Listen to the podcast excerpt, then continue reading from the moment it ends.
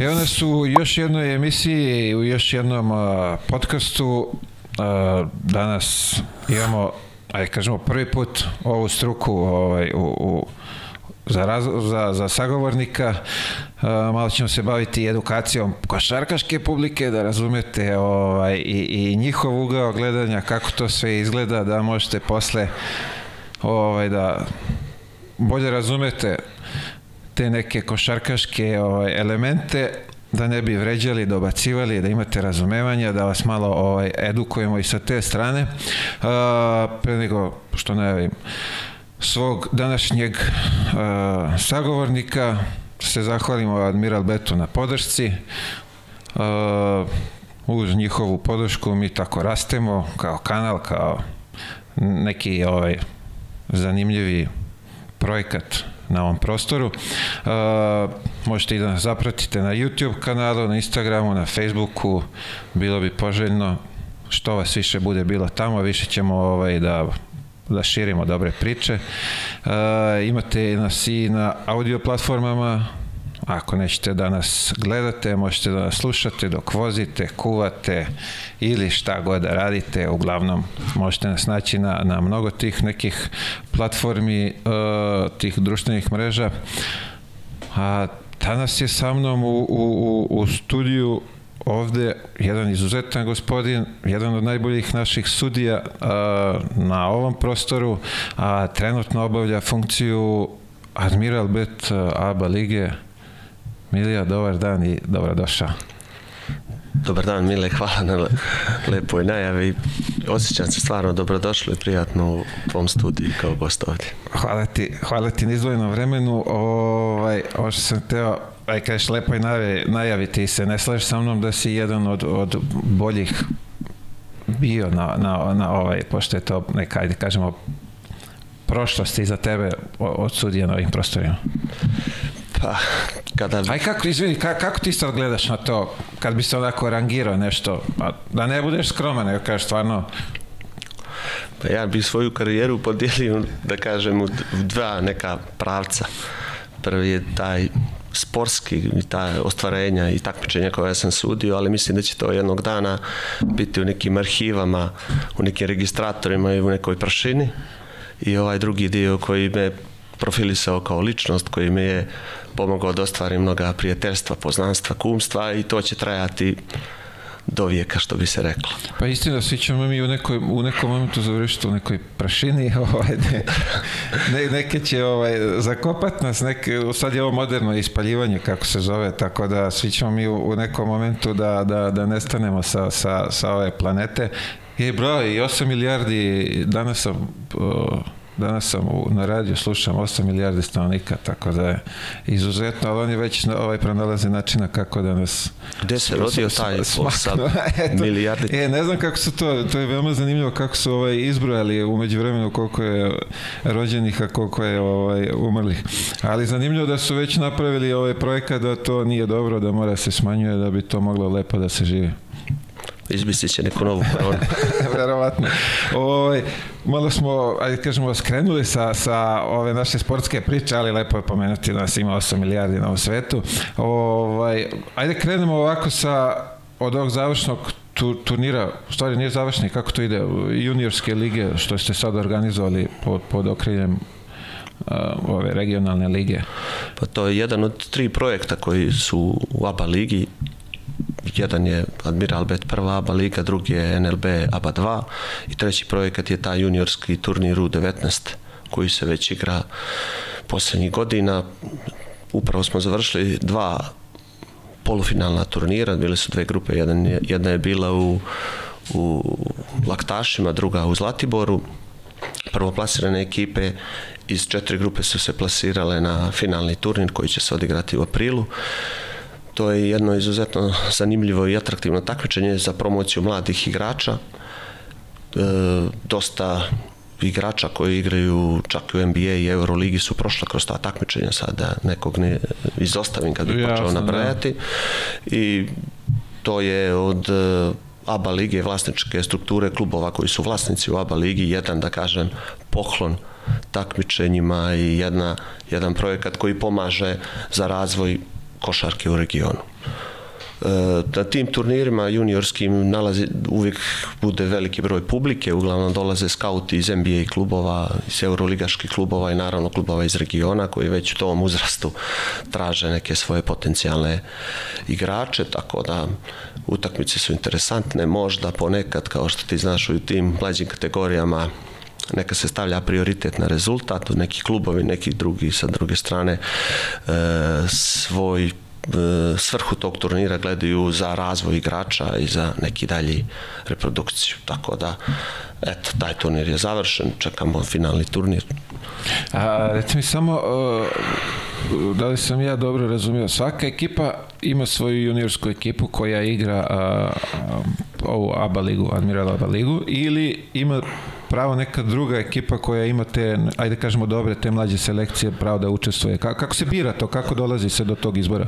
Načelno je planirano da klubovi iz prve ABA lige daju svoje juniorske ekipe na tim turnirima, mada dešavalo se i prethodnih sezona i ove sezone da e, ne potvrde učešće svih od 14 klubova, onda kada se ostvare upražena mesta mi reagujemo i dodjeljujemo takozvane wild karte.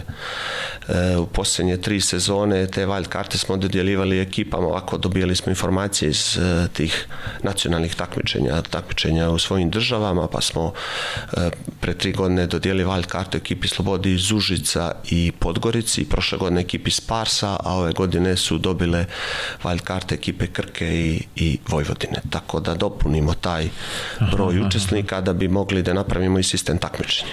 A sad ono što me vuče da pitam, a, ti klubovi koji odustanu od toga, odustanu iz razloga što nemaju tu selekciju ili to neki finansijski izdatak za njih? Pa ima različit, mislim da nije finansijski problem ni u jednom slučaju, ponekad te ekipe iz prve lige, one imaju neke svoje filijale koje se takmiču u nacionalnim takmičenjima, da li u drugoj ili prvoj ili trećoj ligi. Imamo takođe situaciju da nemaju mlađe kategorije ili nemaju tu uzrasnu kategoriju, imaju možda pionire kadete i nemaju tu taj uzrast ili su ih već uvrstili u prvi tim ili ima neke svoje razloge zbog kojih to nemaju da, da, takvu da, da. kategoriju i onda oni odustaju iz tog razloga i onda mi se ipak kada bi e, proširili to takmičenje, mislim da bi moglo da se na, nađe veći broj ekipa od 14 ili 12 koliko ih mi imamo, jer imaju velika interesovanja, dosta ekipa iz regiona. Ali ipak držimo se onih učesnika prve ABA lige, jer oni su i vlasnici te firme ABA liga i onda popunjavamo to u skladu sa nekim kvalitetom i sa ekipama koji mogu da pariraju tim najboljim klubovima. E, s obzirom da pratiš da, da ajde kažemo, učesnik si u, u svemu tome, je li, u regionu ima i dalje talentovane dece? Naravno da ima. Ima talentovane djece, da mi znamo ovde na ovom, ovom prostoru košarka je više od igre, što bi se reklo, ima uvijek dosta djece, dosta talenata, sad pitanje koliko će se oni E, kako će se razvijati, koliko će dobiti šanse u nekoj perspektivi u svojim budućim karijerama. Tako da. A dobro, sad kukamo, pretežno svi ovde kukamo da nema više talenata ko što je pre bilo, da, da nema dece, da nisu, ajde kažemo, toliko ovaj, zagrižena za tom košarkom, tako da zato pitam kako to izgleda kad već ceo region obuhvatiš. Pa u nekom segmentu ja mislim da je možda čak i veća strast nego pre, jer sada su uključeni više, e, više faktora, uključeni su agenti, uključeni su roditelji, uključeni su sami igrači, imaju svoje e, individualne trenere, kondicione trenere, imaju nutricioniste, tako ako bi sad upoređivali neko, neki period 60-ih, 70-ih ili 80-ih kada su rađali mega zvezde na ovom području, a oni to u nekom svom periodu nisu imali, mislim da je ta neka strast sada možda čak i veća. Neki su i završili karijere bez svih tih ovaj, Neki su završili karijere i osvajali najveća odličija na svim meridijanima, a nisu ovo imali. A reci sad stvarno kad pogledaš koliko tu sad sve ide propratno u, uz to neko dete, da kažemo, koje odrasta u tome i kreće, pa kreneš samo od ovih društvenih mreža, znaš, da oni sve to prate, pa može se promoviše kroz to, pa i onda plus agenti kojih, aj kažemo, pre i nije bilo toliko, pa sad, ajde, lokalni agenti, nego ti imaš strane agente, imaš strane skaute, NBA službe koje su tu, I ono... Pa moje mišljenje je da ipak tu je onaj prvogonik teren, on ipak pokaže sve. Sve je to dio, naravno, i neiz, neizbježno, da kažem, za razvoj nekog igrača, ali pa kada on dođe na teren, on pokaže svoj kvalitet, prije svega pokaže svoju fizionomiju, svoju fizičku, da li je centar ima visinu, da li je u nekim bekovskim pozicijama te odlike koje trebaju da imaju dobri igrači na tim pozicijama, tako da sve to po meni po meni ovaj sporedno najvažnije ono što pokaže on na terenu i onaj status koji on dobija kod trenera, a sa druge strane i posvećenost agenata koji će da ga usmjeri na pravi klub i u pravu sredinu gde će onda igra. Nadam se da će ih ovaj da će ih biti sve više i više i da su željni da, da, da, da se nadmeću, da, da budu najbolji u, u toj svojoj nekoj generaciji da bi uh, ajde kažemo i ceo region bio bolji ovaj posle da ne bi kukali kako nemamo igrače za, za, za ove profesionalne timove da ne bi dovodili ajde kažemo sa strane neke ovaj internacionalce kad možemo to sve ovde i što bi se rekli svog dvorišta da, da, da pronađemo da uberemo.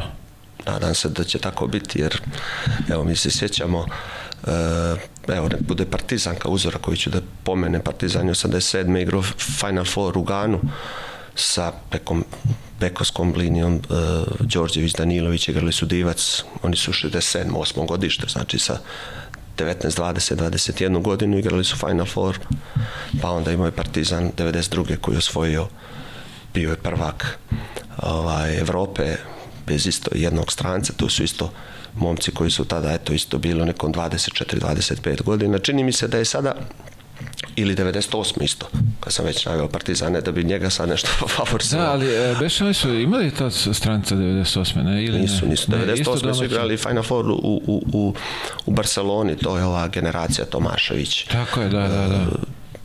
Ne znam tačno da se odvijela, ali znam da, da, da. kad su se plasirali sve da, to, to, to pamtim taj period, da. ali nisam, ne mogu setim da li je bilo tu nekih... Nije, nije, nije bilo stranaca.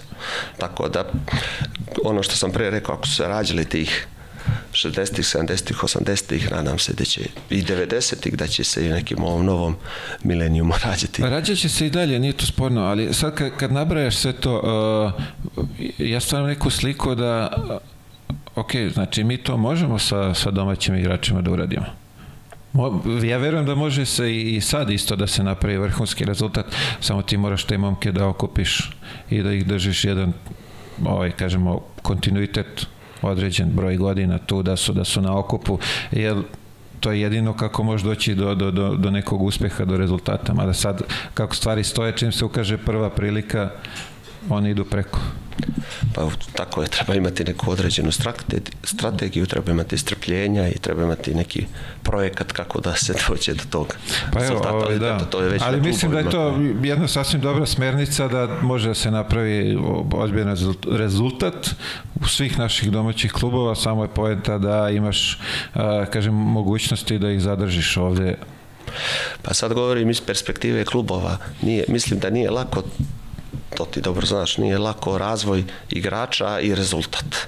Danas on uvijek kad negdje ovaj, prifali rezultat, onda i ti igrači ne, se ne razvijaju u pravom smislu ako oni samo učestvuju i ne stvara se kod njih neki pobjednički mentalitet ili ako ne se sa tim pobjedama ne, ne pumpaju samopouzdanjem. Tako da nije to baš ovako, to je malo šira tema. A malo šira tema, da, ali kad već pričamo o rezultatu, mi da, aj, evo gledamo klubskih, ovdje mi rezultata nemamo kad je poslednji Final Four bio 2010, je tako? Da, Partizan je tako 2010, da. Znači, ako gledamo klubske rezultate, koji smo mi klubski rezultat napravili, titul nismo osvojili do 92. je tako? Tako je. I mi pričamo o, o klubskim rezultatima, znači klubskog rezultata nema, ali ako već hoćeš da nešto napraviš, proizvodite svoje igrače, jer pretpostavljam, ne pretpostavljam, nego to je nek, ne, moje mišljenje da ako hoćeš u ovoj modernoj košarci da napraviš neki rezultat, to je velika investicija i mora veliki broj kvalitetnih igrača da se dovede da bi osvojio nešto. Pa dobro, ja mogu to možda i da pričam ovako i košarkaški i sa pozicije roditelja, jer ima moji sinovi isto igraju košarku, pa evo jedna generacija, stari Jovan, on igrao za reprezentativne selekcije Crne Gore. Te selekcije su osvajale čak i medalja na evropskim prvenstvima i pobjeđivali i Francusku, i Tursku, i Grčku, ali sad kad vidimo te igrače koji su tada igrali, mislim, nažalost, od njih 12, 8 i ne igra košarku. A od te francuske reprezentacije, 8 igra na nivou NBA i Euroligi. Jednostavno nisu našli svoj, oni su u nekom uzrastu 18-20 godina bili konkurenti sa njima i pobjeđivali ih. Ali kad dođe posle na neka, neki dalji korak, tu se nešto desi, ja ne znam, ne mogu što ja da identifikujem. Jedan, što je još je. jedan dokaz da te mlađe uh, uspesi u tim mlađim selekcijama ništa ne znači. Sva ta zlata koja mi imamo to treba posle da bude projekat za tu A selekciju i ti igrači posle da izrastu u ozbiljne profesionalce. Od svih tih rezultata mlađih kategorija mi najviše pominjemo taj Borbija koji je sadašnji selektor Pešić vodio tu generaciju i taj Bormio, Bormio se stalno pominje zato što je upravo iz te generacije svi su postali vrhunski košarkaši. U njih 12 svi su igrali na nivou najveći mogućem i imao sam priliku da razgovaram sa većinom od tih igrača koji ono se slažu da su oni postigli svoj limit u svojim karijerama. Da li su oni igrali prvu ligu tadašnje Jugoslavije koja je bila ono najbolja liga u Evropi ili su igrali za ekipe koje su vajale kup šampiona ili odlazili u NBA, oni su dostigli svoje limite. Mislim da sada u tim mlađim kategorijama ti dečaci kojima evo pričamo ne dostižu svoj limit. Negde oni pokažu neki ja mogu da pričam o igračima, mislim, koji sam sada iz ove perspektive mogu da verujem da on nije napravio neku karijeru ono vrhunsku, a uvijek, ali dobro i dalje, oni sebe traže, to su pričam nekim momcima koji imaju 20, 22, 24 ili 5 godina, još ima tu dosta da se Jasno, da, pa bili, bili su i uz mene, da, bili su iz mene neki igrači koji su bili ekstra talentovani, ovaj, ali na, nažalost na kraju ništa nisu radili, tako da, da. nemam pojma, kad bi ne ovaj znali to, da, da ja, koja ja, je moj, moj prvi međunarodni turnir kad sam bio sudija, sećam se, bile generacije 87. Igrali su neko nezvanično pionirsko prvenstvo dole u Hrvatskoj sad toj generaciji, 87 generacija, Miloš Teodosić, Tepić, da, Aleksandrov, da. i sad, ovaj, ja se sjećam na tim utakmicama, to je, ovaj, Aleksandrov je bio vanzemaljac. Ako smo mi, recimo, pobedimo nekog 70, bude rezultat 80 50, jer smo mi pobeđili 20-30 razlike, sve Aleksandar je dao, Aleksandrov je dao 50% poena, ovi ostali svi. To je bio čudno. da, da, on je bio, stvarno je bio dominacija u, u, u tim mlađim uzrastima i nažalost ta povreda i sve, sve krenulo nizbrdo. Tako da se dese neke stvari. Tako ovi, da, ima mnogo... Da, ima nekih stvari, ti to bolje znaš, sad sam možda baš i na početku emisije ušao u neku tematiku koja nije ovako meni bliska, ali eto, dozvoljeno je danas da se malo da, da iskomentarišemo. Lepo je čuti, ovaj, ja volim da čujemo ovaj, svačije mišljenje, znaš, to je onako i mene oplemenjuje kao čoveka, jer ovaj, ne razmišljamo svi isto i svako ima svoj ugao gledanja, tako da mi je to veoma zanimljivo da čujem sa, sa druge strane. Pa dobro, ne znam je li relevantno sa, sa moje strane kad pričamo pa, o razvoju igrača. Pa vidi, tvoja skromnost to, ajde sad, rekli smo malo pre smo isto kao preskroman si ti, ovaj, što bi se reklo, ali cenim i, i, i poštujem, tako da ne brinim. Mislim da će gledalci isto da, da, da cene tvoje mišljenje. Uh, ispred nas je uh, po, drugi, tako, drugi balon uh, NLB ABA Liga 2, je li tako? To je sad ovaj vikend ili sledeći? Počinje sledeći vikend, od 21. od ponedeljka. Uh, sad mi zanima malo ta organizacija svega toga. Te ekipe se sve okupljaju na jednom mestu. Uh, Je li to krenulo od korone, ono, kad je, tad se napravio taj model takmičenja i, ili je to, došli ste na ideju da to tako funkcioniše? Nekako mi se čini da po meni je dobra stvar, svi su tu na jednom mestu, a, a s druge strane malo da publika ispašta to, da, da ih nema ko što bi bilo na domaćim terenima. Ovo je već treća sezona kako se igra taj sistem takmičenja u drugom stepenu takmičenja u ABA ligi. Sada imamo od prošle sezone naslovnog sponzora, evo, NLB je naslovni sponsor drugog drugog takmičenja u ABA ligi. Sjećam se tog vremena, to je završetak bio, to je ona sezona koja je zbog korone suspendovana ili nije završena i onda u pripremi sezone za početak ovaj, e, razmišljali smo na način kako da e, sprovedemo to drugu ABA ligu. Bio jedan ozbiljan problem, evo, svi se to zaboravili smo da je to bio problem sa protokolima, putovanjima, testiranjima. Da, da, da, da. I onda mi smo imali neke uzorke takmičenja u, u Španiji, u Njemačkoj je tako završeno njihove prve lige su završene, takozvani baloni, evo i ti si rekao, to se već odomaćio taj izraz. Pa da, to nam nekako turniri, onako, da. turniri, baloni, onda kada su svi u tome vidjeli probleme, mi smo se tražili, mi smo pokušavali da nađemo rešenje. I onda smo uz niz sastanaka sa klubovima koji su se takmičili te sezone, e, složili se da krenemo taj turnirski sistem takmičenja koji u početku bio bukvalno u balonima. To su bili oni sistemi gdje su igrači zatvoreni, gdje ono zbog epidemioloških mjera nisu mogli ni da izlazi iz hotela, bili su bukvalno radiju su kretanje između hotela i, i dvorane i tako odigrano prve sezone to takmičenje, kasnije odigran Final Eight sa nekim specifičnim malo sistemom kada smo igrali one dve utakmice na zbirni rezultat Final Eight u Podgorici kada je prvi prvak te e, druge lige bio ekipa SC Derbija. Prošle sezone smo e, imali neki, da kažem, iskustvo iz tog takmičenja, tako da smo prve sezone igrali, e, imali smo turnire po četiri kola, a ove, ove godine imamo pet turnira, igraju uh, tri turnira po tri kola i dva turnira po dva kola. Zašto ovo kažem? Zato što u onom turniru kad imaju četiri utakmice svaki drugi dan, već ono uh, sustigne igrače, umor i pad koncentracije, tako da su utakmice u prvom i drugom kolu na tim turnirima ili balonima interesantne i dobar je nivo košarke, već treći, četvrte desece neke povrede, bolesti i tako da, da, da, da. Tako da smo mnogo stvari vodili računa da bi ovaj napravili sistem takmičenja. Naravno, pred početak svake sezone mi, mi napravimo sastanke sa tim klubovima i mnogi se pitaju zašto to takmičenje nije sad u, u nekom normalnom ligaškom formatu, ali e, to takmičenje je nekad i bila u liga sistemu, da se igralo ono dvokružno, ne znam, 12 ekipa, 22 kola, a sada ovo igra se jednokružno i 13 kola, ali ipak mislim da je popularnost te druge ABA lige na mnogo većem nivou ove posljednje tri sezone nego prije. Iz razloga zato što sve utakmice su na TV prenosima. Mi smo imali sezonu pre korone ili da, da, koja je prekinuta zbog korone, imali smo 22 prenosa ABA lige. Mi sad imamo, ne znam, sve utakmice su u direktnim prenosima.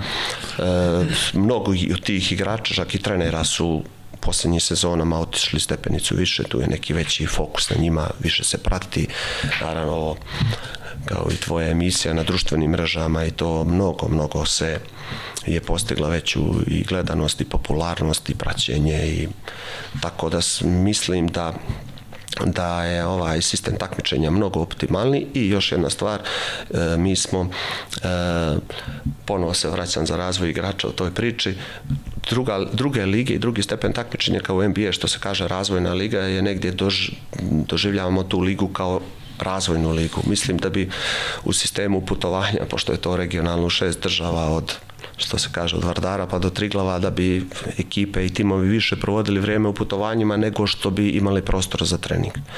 Ovaj sistem takmičenja im omogućava da se oni imaju svoje takmičenje i prisustvo publike na domaćim terenima, a u ovim turnirima niko ne sprečava publiku da dođe u na turniru Sarajevo, Banja Luku, Zlatibor, gde se već igra, ko voli Jasno, svoj klub. Da, da, da. Nekako Pratići. to pokazuje da publika kod nas bira protivnike koje će da gleda. Jasno. Negdje, evo gledamo premier ligu u futbalu, bilo koji klub, oni dolaze da gledaju svoj klub, a ne da gledaju protivnika. Tako je, tako je, da. Ako voliš svoj klub, onda odeš pa ga gledaš i navijaš za njega. Istina, Iako je da. to uskraćene su da gledaju domaćem terenu, ali i gledajući infrastrukturu gdje bi te ekipe igrale, možda te dvorane nisu baš sve najadekvatnije. Mi se mnogo, bio si ti na Zlatibor, Tako vidio je. si, mi se mnogo potrudimo da taj ambijent, taj branding bude onako na jednom visokom nivou, čak nivou iznad nivoa igre i samog tog takmičenja, tako da držimo se ovoga i vidjet ćemo sledeće sezone, ali ne vidim ni jedan razlog da bi promijenili sistem takmičenja. A reci mi, da li to sad uh, finansijski povoljnije za, za klubove ovaj sistem takmičenja trenutni?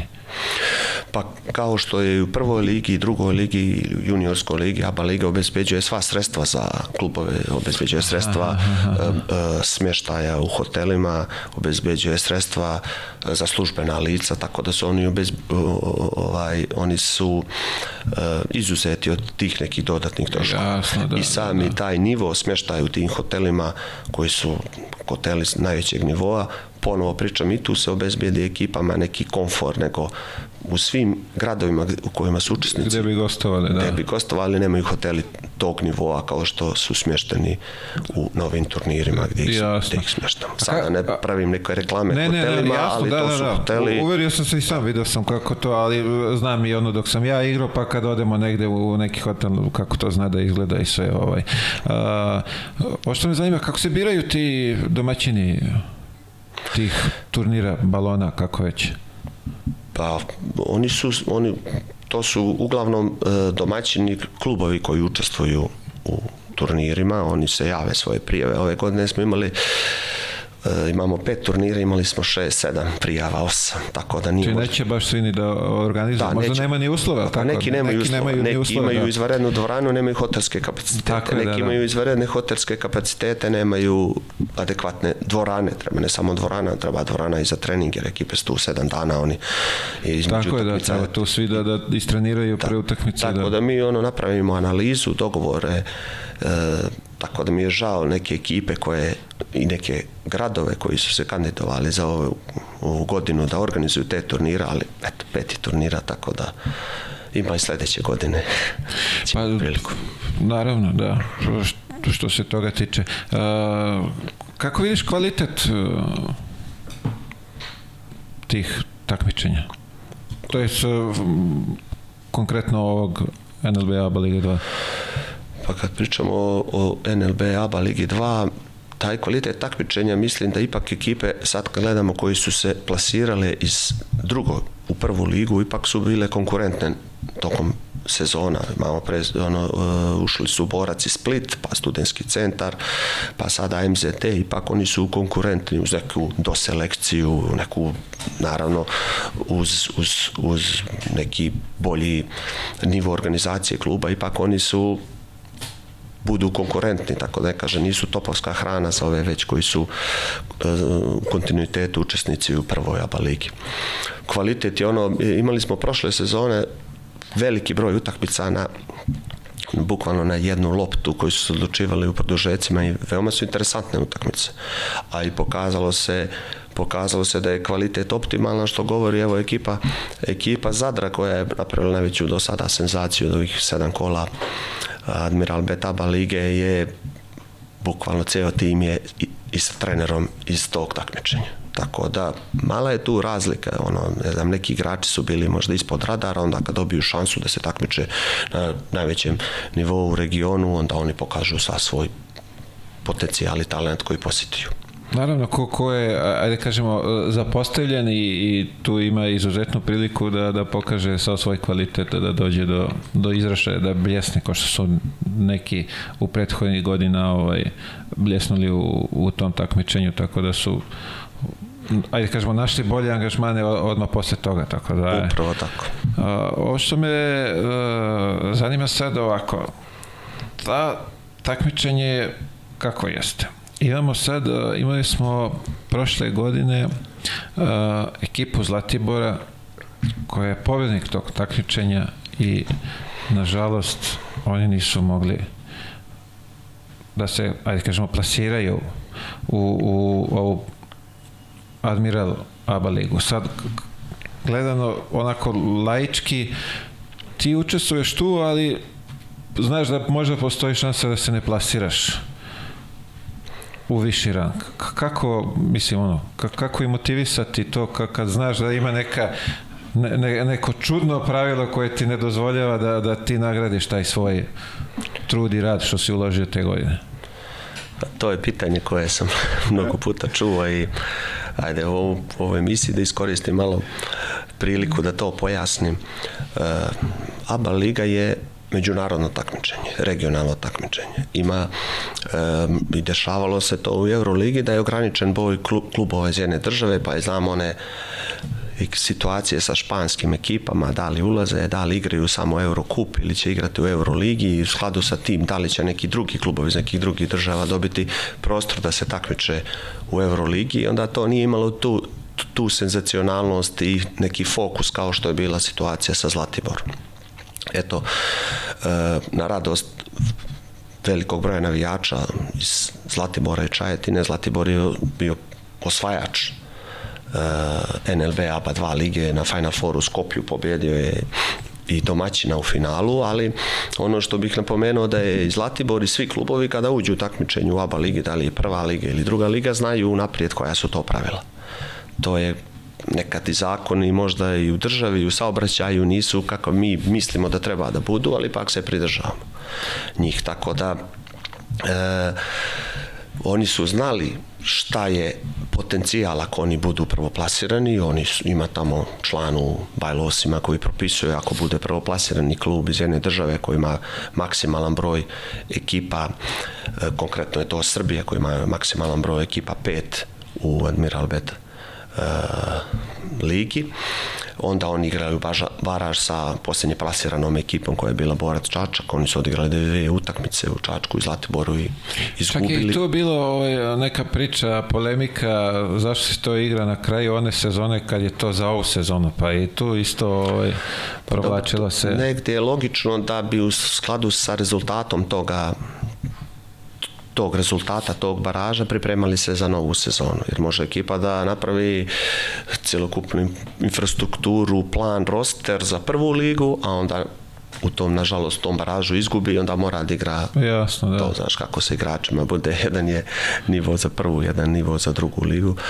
Tako da, eto, to je, to je ovaj, takav je sistem takmičenja, tako su, tako su vlasnici u oba ligi odredili da to bude, ima Srpski klubovi su se borili za se, da se taj e, limit poveća na šest ili da bude pola od ili da uopšte ne postoji, međutim ako to bude onda dođe do situacije glasanja i onda oni su u tom dijelu manjina, drugih preglasaju da. i ostaje, ostaje pet klubova maksimalno iz jedne države, trenutno je Srbija ta, što rekao, ima najviše. Čini mi se da je potencijalu za sada je oni jedini Srbija i može to da ispuni ta, tu maksimalnu kvotu, mada e, analizirao sam lige 80-ih e, e, bilo je godina kada od 12 bilo je šest srpskih ekipa. U priču Stara Juga, da, kad stara, je bila da, Stara da, Liga, naj, najbolja, najkvalitetnija. Jest. Bilo je šest srpskih klubova nekolike sezone. Četiri. Četiri sezone. Znači, ipak mo može i tako. Može, ali bilo i tri. da. tako da. Pa ono, ja gledam sa sportske strane ako je neko obezbedio rezultatom to, če dozvoli mu da se takmiči, jer je on celu godinu potrošio na to da bi nešto uradio, osvojio tu, to takmičenje, tu ligu i ti ga sad uskraćuješ nekim pravilima koje pre preglasavaju se tamo. Malte ne više to po meni neka politička odluka kao je ne može Momci su zaslužili, osvojili su, pusti da igra.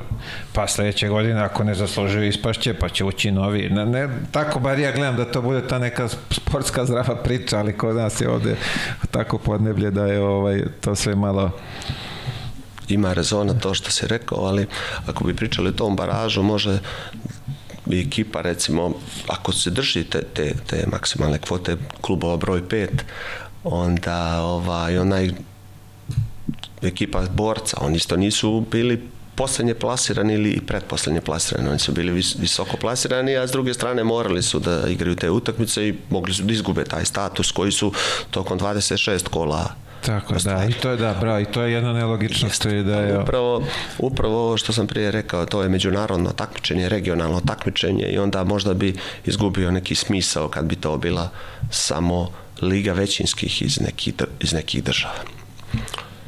Pa, ajde, opet. Ja nisam, meni to nekako ne, ne, nije mi, ne leži mi, ja sam opet onda da se nagradi da. neki uspeh. Ako su ljudi izborili to, treba im dati šansu. Mada, ovaj, otvara se prostor, da kažem, da se ta kvota pomeri do neke granice. Mi da uvedemo i sedam klubova, moramo da postoji mogućnost da šta ako se neke sezone pojavi osmi, moraju ponovo da igraju neki sistem baraža kao što su ovi igrali prošle sezone. Pa vidi, ok mi je to, ali a, ako već igra Baraš, treba da igra Baraš sa poslednjim iz te prve lige, ali tako? Što je logično neki, u, što bi se reklo, u, normal, u normalnom svetu tako funkcioniše, ovde je malo to sve čudno.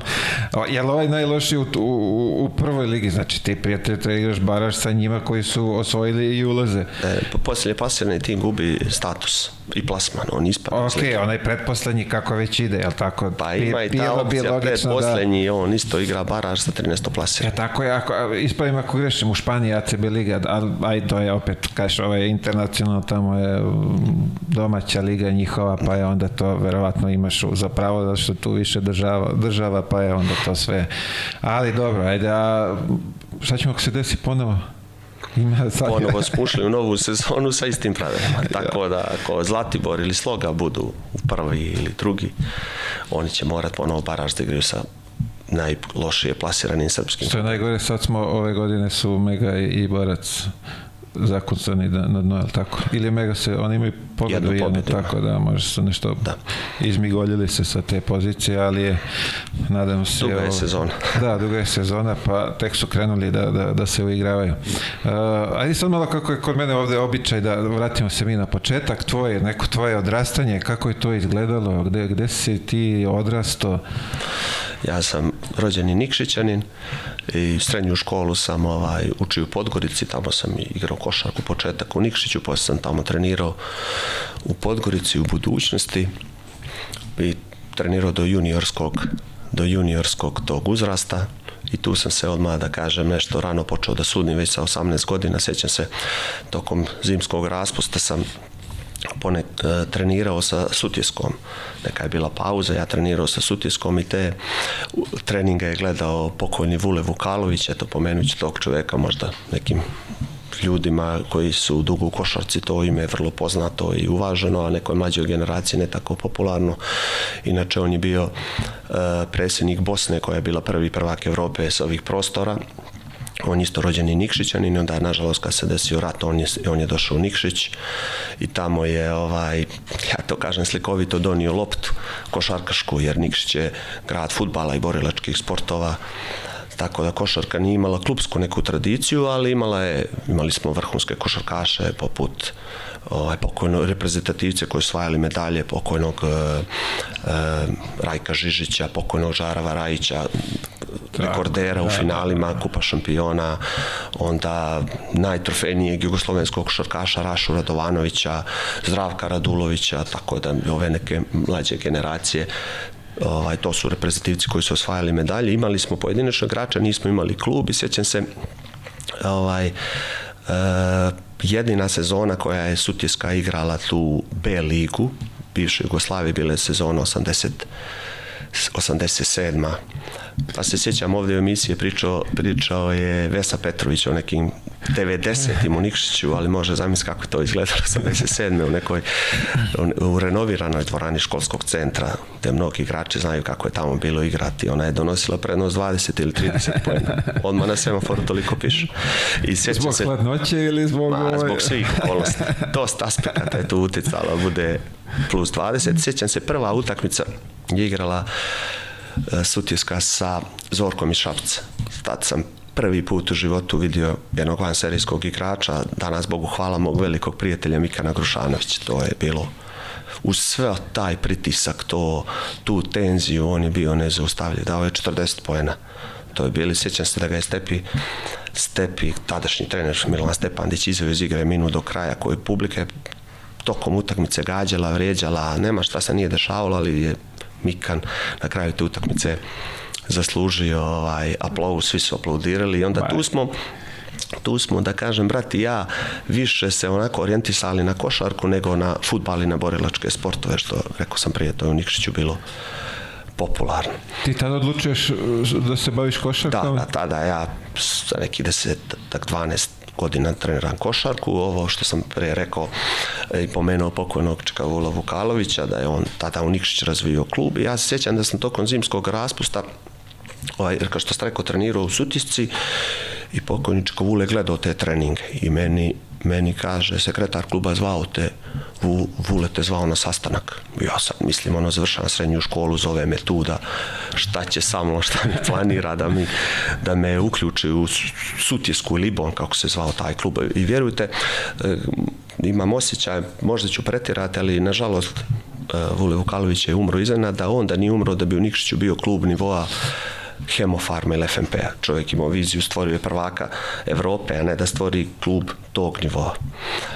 Ali I on me pozove na taj sastanak, ja dođem ono kao igrač, kao klinac, sad očekujem da on meni kaže ti ovdje ti igraš i ono već klub raste i on meni priča o, o pravdi, o nepravdi, o suđenju, o stasi 188 si ti visok, to je prava visina za sudiju, za pojavu, za ja ono malo razočaran što nije priča u smjeru kako sam ja Zamišljao. zamišljao, nego u priča da me on usmjerava na, na taj tu profesiju. Kako je on razvio klub, on je razvio cjelokupnu Da, košarkašku da, da, infrastrukturu i recimo iz te generacije ima četvorica međunarodnih sudija, ima moj brat, ima Zdravko Rutešić, ima Milosav Kaluđerović i ja. Recimo više ima međunarodnih sudija ovaj, Nikšić nego Novi Sad. To sve zahvaljujući Jer to je razvoj e, razvoj košarke u Nikšiću se zvao taj projekat koji je klub bio nosilac svega toga, a posle su razvijeli sudije. I onda odlučim se ja da počnem da sudim. Ali ni, nisi baš bio... Ovaj... A nisam pre, br, brat i Zdravko Rutešić, oni su se odmah odlučili. Oni ono, pa ja sam još sebe sanjao neke igračke snove. Nije mi bilo ni ovaj, da kažem, ni zabranjeno na, sno, na snovima. I oni počeli da sude i ja nešto malo kasnije i počnemo mi da sudimo. I interesantno je sad to kad povlačim paralelu onoj priči pre, kako je bilo pre i kako je sada. Sada gledam utakmice ovih mlađih kategorija, da dođu roditelji, treneri, e, predstavnici klubova pričaju ovaj na sudija ošteti, ovaj na sudija krade. A zamislite vi, mi dođemo, dođemo pokojni Vuli Vukalović nama kaže sledeću stvar. Kad smo već počeli da sudimo, kaže e, budete li pomagali mlađim kategorijama sutjeske, kada dođe ekipa iz Cetinja, Podgorice, Berana i cijele Crne Gore, budete li vi pomogli ili jednu loptu dali našem timu, on ima autoritet u tom trenutku, ja zovem i vi prekidate svoju sudijsku karijeru. Isto je važilo i za prijateljske utakmice, jer su dolazili FNP, Hemofarm, Zvezda, Budućnost, dolazili su, igrali su prijateljski u Nikšiću. Isto je to govorio za prijateljski. Ako budete pomogli našem klubu jednu loptu, u tom trenutku i mi onda iz onog straha iz onog straha još gore napravimo neki onda 40 za, za ove domaće 60 za goste. I onda se dešavalo igra se prijateljska utakmica gdje tu oni negdje da igraju prijateljsku utakmicu onda oni zovu kao povedite i vaše sudije. Njima se oslačalo kao što se reklo neće mač na džigarice kao ono dovedite. Kao oni vide da imaju Dobri, ovi, da imaju dobar status šta sam htio da kažem da je on imao viziju kako Jasne, treba da, da. se razvija sudija i kako smo i tako smo mi počeli da sudimo i A tu bila neka škola, nešto jeste morali da pohađate neku školu za pa to, kako se to razvijalo tad u tom? Bili su, bili su neki osnovni ti kursevi, to je i danas isto slično, nije se to puno promijenilo, taj razvoj za osnovni kursevi, da se vodi, položi se, mi smo bar tako položili za pomoćne sudije, vodili zapisnike na utakmicama, pa onda sudili mlađe kategorije i tada se otvorio neki prostor, Bogu hvala, da smo mi brzo i napredovali, tako da smo Ja sam recimo za četiri sezone došao od početka do, do, do, do derbija, do prve utakmice. Za četiri sezone? Za četiri sezone. 94. položio sudiju, a 98. sudiju Zvezda Partizan. Sa nepune 22 godine. Wow. Znači, seća se 3. oktobra je bio derbi, a ja 12. mi je rođendan. I tako, znači, nisam imao ni dve, 22 godine kad sam sudio prvi put Zvezda Partizan sa Jovčićem i tako da je to tada bilo lakše, bilo je i manje, da kažem, Kako izgledalo tad, kad, kad si ušao, gde si igrao tada to? U Pioniru. Pioniru. To je taj partizan koji igrao na Final Four. Da, da, da. Kako, mislim, tvoj doživljaj i osjećaj toga da se pojaviš na, na toj utakmici?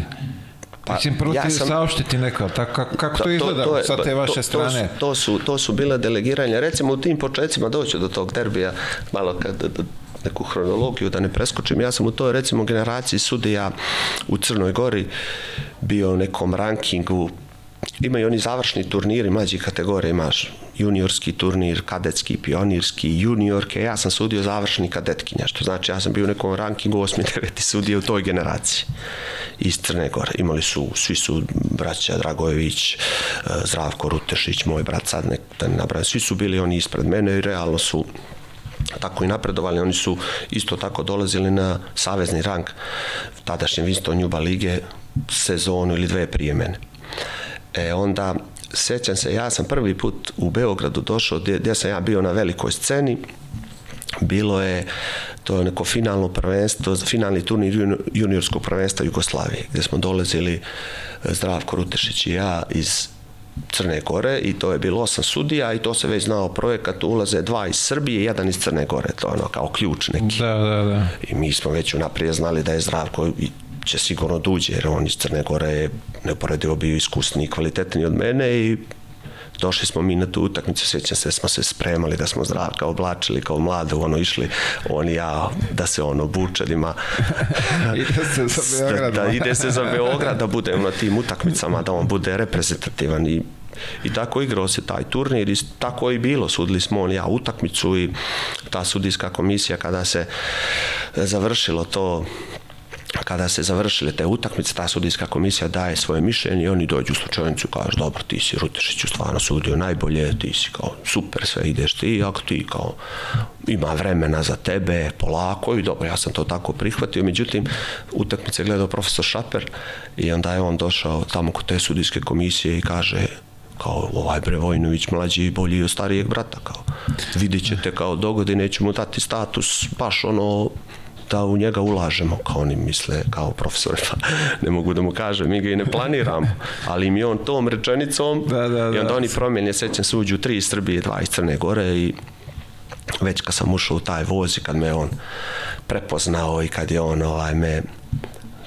tako počeo delegirati na te utakmice prve sezone, druge sezone, već druge sezone sam sudio Zvezda Partizan, što sam rekao, evo sad dolazim na utakmicu koju sam pomenuo i, i to isto, to su, po meni, to su vizionari jugoslovenske košarke, oni su stvarno stavili neke čvrste temelje jugoslovenskoj košarci i u Srbiji i tako koje ovaj, u sve neke turbulencije koje se dešavaju da ipak stoje stabilno na, na, na, na nogama recimo kao što je, se razvija igrač, tako je profesor Šaper znao kako se razvija sudija i on me delegira na Zvezda Partizan i ja se sjećam tad je otvorena kuća košarke, ja u hotelu i mene zvoni u, u hotelskoj sobi telefon. Ja se javim kao profesor je sad ja, mi smo imali to drugari da znamo da zovemo jedan drugog i da se predstavljamo Da, lažno da, neki da, da, autoritet, da, pa neki trener i onda ja sad razgovaram sa profesorom na 50% da pričam sa profesorom, a 50% da, U rezervi da u rezervi da me neko, da, da. I sad on meni ishvali tu kao kao sudio si čestitam ti kao otvorena je kuća košarke da dođi ovdje, ovo je kuća svih trenera, igrača, sudija, dođi sad ja ono presrećan po sobi skačem kao da sam dao gol u 90. minutu i kreće, nastavlja se sezona i sad ja, to je bila zajednička lista prve lige, druge lige i ženske. Ja gledam delegiranje, kao delegiranje sudim zdravlje Radnički Kragovec B ligu. Sledeće delegiranje Bačka Palanka Partizan žene treće delegiranje Vojvodina Spartak žene. Rekao šta je, ono me neko me Nije zvao. to Znači, to. Nije, nije profesor, samo sada nađem ko me zvao. ko me to. Međutim, onda on da peto, šesto kolo da Beo Petro, Beo Banka, pa onda tamo neko, sve tako miks, kako bih rekao, nije dao mi je na pravu meru i način kako da, se kako pa da, da, se vidiš, razvija. verovatno i to neka vrsta testiranja Pa da vidi tako, kako tako ćeš su da se razvijele ponašaš. sudije i tako su ove sve naše najbolje sudije se na taj način razvijele da je to bio miks i prve lige, druge lige, ženske lige i Jesi, jesi imao ti kao nekog mentora u, u, kad si krenuo, kad si ušao na taj, ajde kažemo, spisak tih boljih sudija ili pa si imao neko ko, ko, ono, ko ti je savjeto, davo ti savete kako i šta treba. Pa nisam imao mentora, imali smo mi na tim utakmicama kao što danas imate takozvane observere te koji kontrolišu i edukuju sudije, međutim ja sam, ja kada sam počinjao su, suđenje i do samog kraja karijere ja sam, kako bih se reklo po navodnicima, krao zanat. Više sam gledao neke Jasno. druge sudije i ne- neke stvari, učio sam od nekih šta je dobro, šta je loše, nešto što mi se sviđalo sam trudio se da primjenjujem, nešto što mi se nije sviđalo, ovaj, ovaj, nije mi se onaj to, to padalo i to sam eliminisao u svojoj karijeri, tako da sudije su... Ovaj... Zanimljivo sad kad kažeš krao si zanat, mene sad e, javno kad, aj, kad gledamo mi kad neko igra košarku pa vidiš neke pokrete njegove šta je uradio, ne, neku tehniku. Ne zanima šta ti tu kradeš od sudije, mislim... Pa, vratit ću se ponovo u Nikšić, kakva je to bila organizacija, recimo 96. godine je, je bio finalni turnir kupa u Nikšiću. To je bilo ono čuveno finale e, budućnost Partizan, čini mi se 126 118 kad je budućnost dala 20 trojki Mm -hmm. Bilo, bilo vreme 60-58.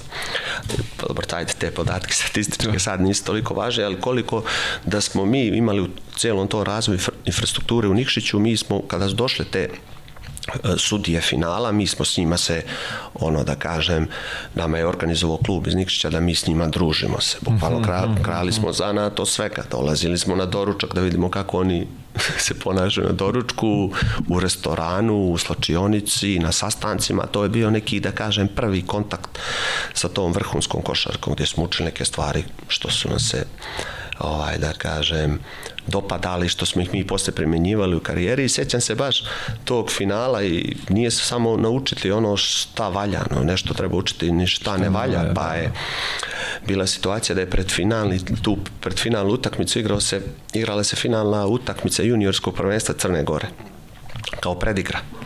I sudili smo brat i ja, bila je ono već u drugom poluvremenu su došli navijači svi da gledaju tu finalnu utakmicu budućnost Partizan i kako Nikšiću nema tih slačionica, a mi smo ušli u slačionicu, što su nam rekli, poslije će tu slačionicu da dođu sudije koje će da sude final. I sad kako stoje onih 12 ili 14 onih zakačaljki, vješalica, što kako to... Oktopada. Da. I sad, brati, ja smo sve zakačili na dve, a ostalo je slobodnih 10 ili 12. Jer znamo da će da dođu tu sudije. Mi završili utakmicu, sad to bila drugom polovremenu puna dvorana i ulaze sudije onako u kaputima, kravatama, na parfemisani ulaze ono u slučajonicu i mi tu i sad jedan sudija od tih, ajde nije, kaže, momci nemoj da se tuširate kao da mi prosipate vodu. I sad ja nešto nosim ja u sebi, sad bi ja ono što bi se rekao nikšički odreagovao, kažete ti ćeš da mi kažete ne tuširam kao, ali brat kao ne, ne, nećemo, nećemo, mi, nije problem, mi onako spakujemo one stvari spakujemo one stvari, odemo ni istuširani, onako gledali tu senzacionalnu utakmicu, ali to je bilo 96. ali posle za šest godina kako to, e, nekako to, me, to je lekcija dobra koju sam naučio, posle kako to ide vrijeme, posle šest godina kada se ja već postao i međunarodni sudija, jeli, sjedimo mi z istim stolom, finalni turnir u Podgorici kupa, za tim stolom osam sudija, jedan je od tih sudija. Taj što je rekao ne Da, da. I sad tamo za drugim stolom sjedi sudijska komisija, zasjeda i sad oni ko će to da sudi, šta će sudi, ja pogledam, ono, ja tu najmlađi od svih, isto ono nešto nosi, takmičarsko nosim u sebi. Ja kažem, možda ću suditi, a on kaže, daj, sebi ne budali gde ćeš ti da sudiš, gledam ono imena sve pored mene, mega starovi suđenja i oni donesu kao, dođe sudijska komisija kaže, mi ćemo mi ćemo da se kao odlučimo ove, ovaj put za mlađi u gardu i sudit će Belošević i Vojnović.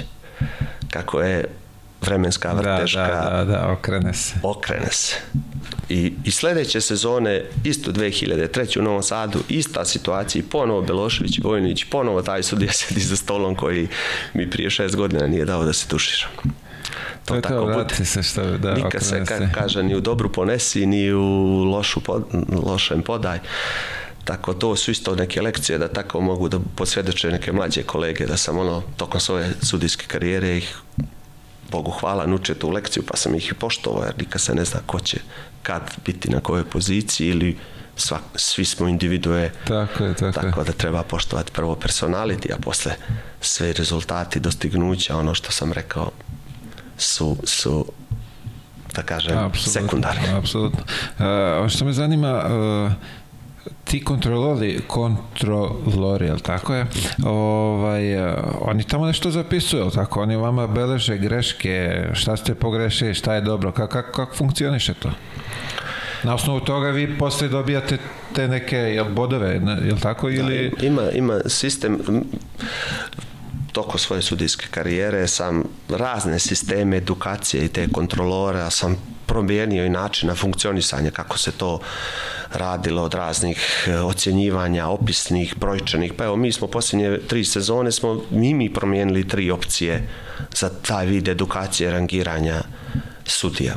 Na svakoj utakmici postoji kontrolor, postoji sudijska komisija, konkretno pričamo o sadašnjem vremenu, gdje, gdje ovaj, prije svega sudije i taj kontrolor imaju takozvani pre-game analizu pripreme ekipa koji igraju, a posle toga ima i ima i ovaj taj post game gdje oni analiziraju te utakmice, danas je to sve toliko javno i publikovano da oni te situacije, on napravi neke belješke i neke situacije, posle videoklipove izanaliziraju i onda u skladu sa tim dobiju se ocjene ili, ili se ovaj rangiraju sudije.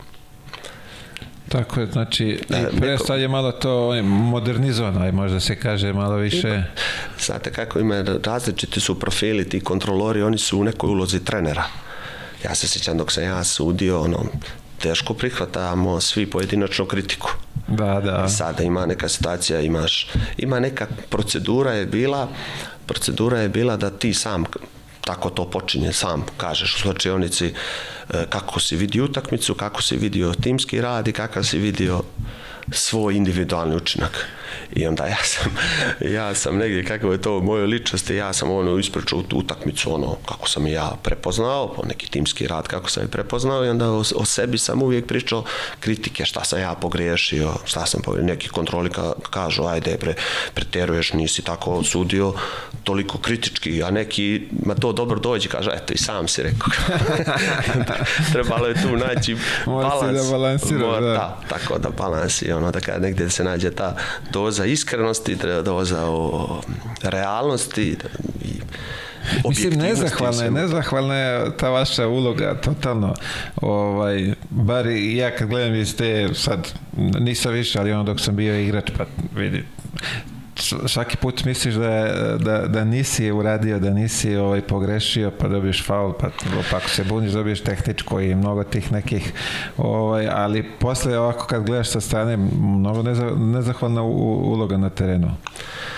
Pa, slažem se da je nezahvalna uloga, ali negdje sliku o profesiji sudiji u bilo kom sportu su negdje stvorili postupci pojedinca, formirali su mišljenje o grupi što ne znači da, da su svi takvi, to se nekako generalizuje i onda mislim da najveći problem kao i u društvu i svim sferama je osvrstvo komunikacije, kad kažu da ovu tehničku.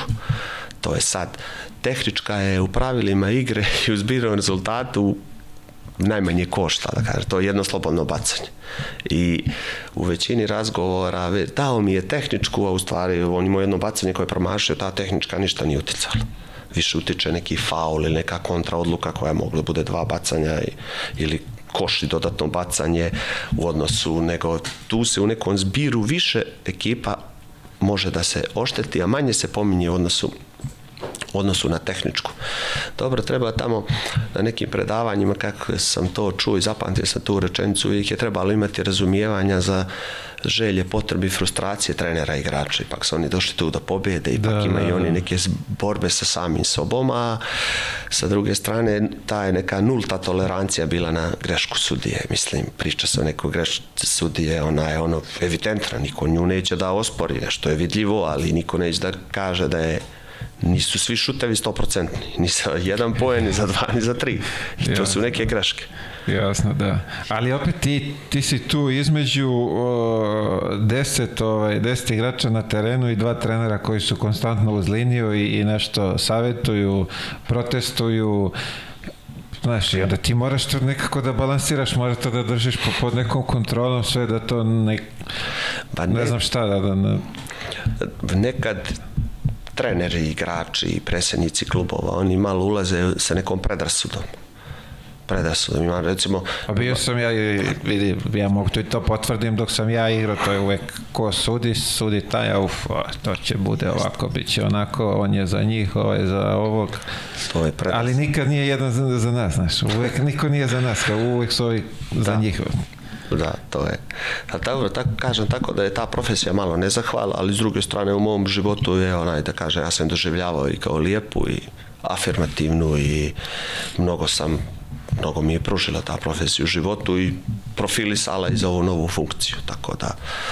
I kad sam završio sudijsku karijeru, ajde, verovatno, eto i tebi sam sudio i da sam imao grešaka, 100% sam imao grešaka, ali u samoj kandidaturi za ovu poziciju u ABA ligi, kada sam obaljao razgovore s predsjednicima klubova, ipak mislim da nisam otišao ovaj, na onu neku drugu stranu da kažem, da sam nešto, u nečemu pretjerivo imalo je tih grešaka. Možda kad se sjetim nekih utakmica, kad kaže gdje sam najviše pogriješio, baš ovo finale kupa u Podgorici, to 2002.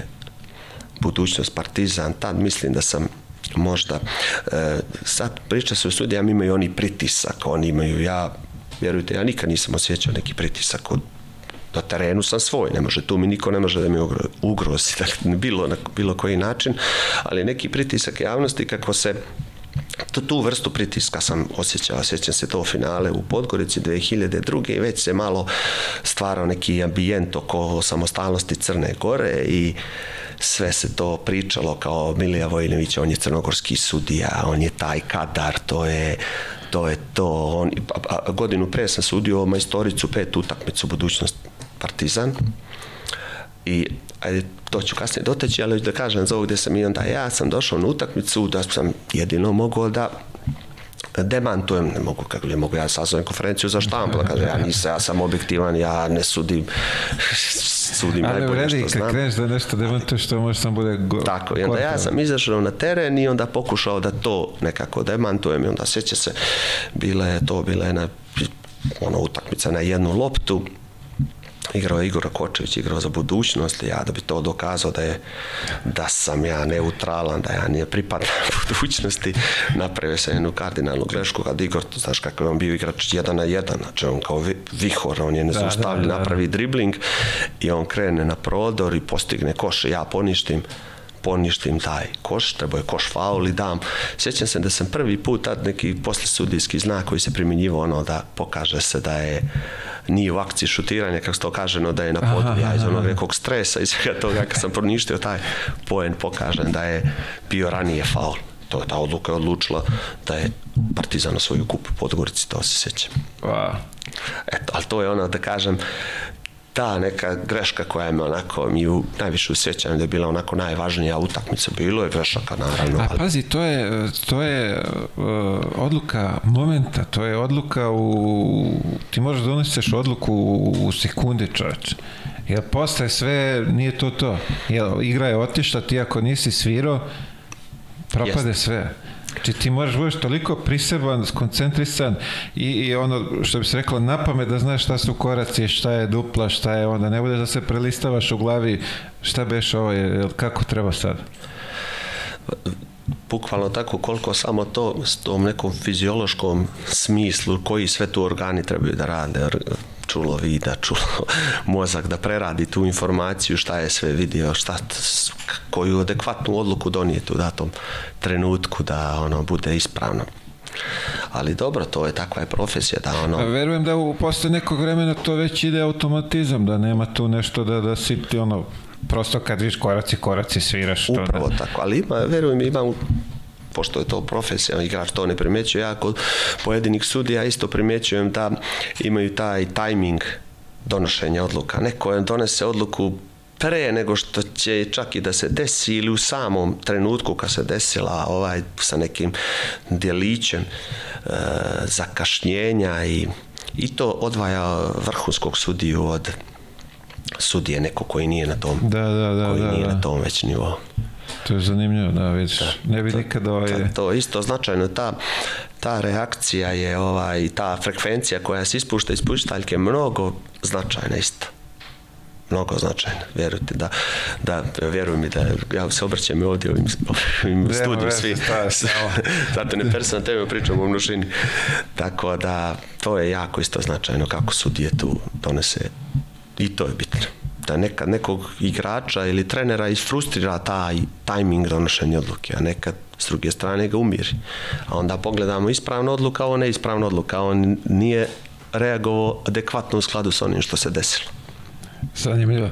Ove, uh, sad malo da, aj kažemo, malo pre sam i najavio edukovanje publike da to da razumeju, da, da shvate ovaj, vašu ulogu na terenu. Uh, sad imamo trojicu sudija, pre je bilo dvojica, sada imamo tog glavnog, jedan je glavni, dvojica pomoćnika. Koja je sad uloga tog glavnog sudija? Šta, šta se razlikuje u stvari uloga glavnog sudija na utakmici od ta dva koje su pored?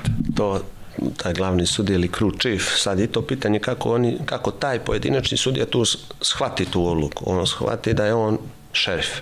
Ima takvih, ima ulogu koji su timski igrači.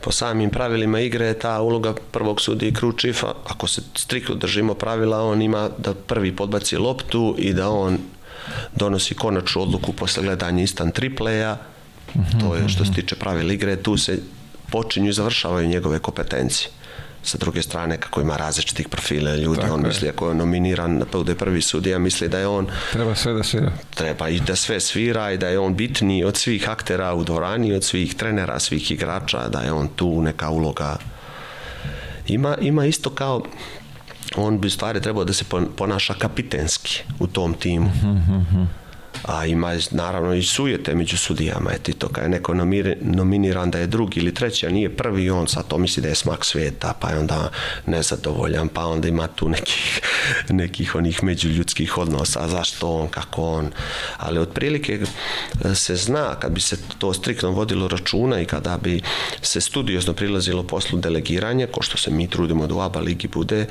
e, uvijek se zna ko treba da bude prvi sudija, to je neki sudijski staž, sudijsko iskustvo, rating, godine, publici, ovaj, da kažem, taj neki popularnost tog sudije, autoritet i tako, ima dosta segmenta koji utiču to, ali kad izađe oni na teren, u tim kompetencijama donošenja odluka oni su ravnopravni. Ne postoji situacija ili da li se radi o ličnoj greš, da li je lična greška, neki prekršaj, da neki sudija u svojoj zoni odgovornosti ima manju kompetenciju od tog prvog sudija. Nije to kao u futbalu imaš glavnog sudiju i pomoćnike. Tako je. Sad kad se rekao u svojoj zoni, hoće nam pojasniš po tim kako, kako i to delite taj teren pošto sad trojica, ili oni imaju svoj neku, neki ugao, trougao, pravogaonik, šta gledaju?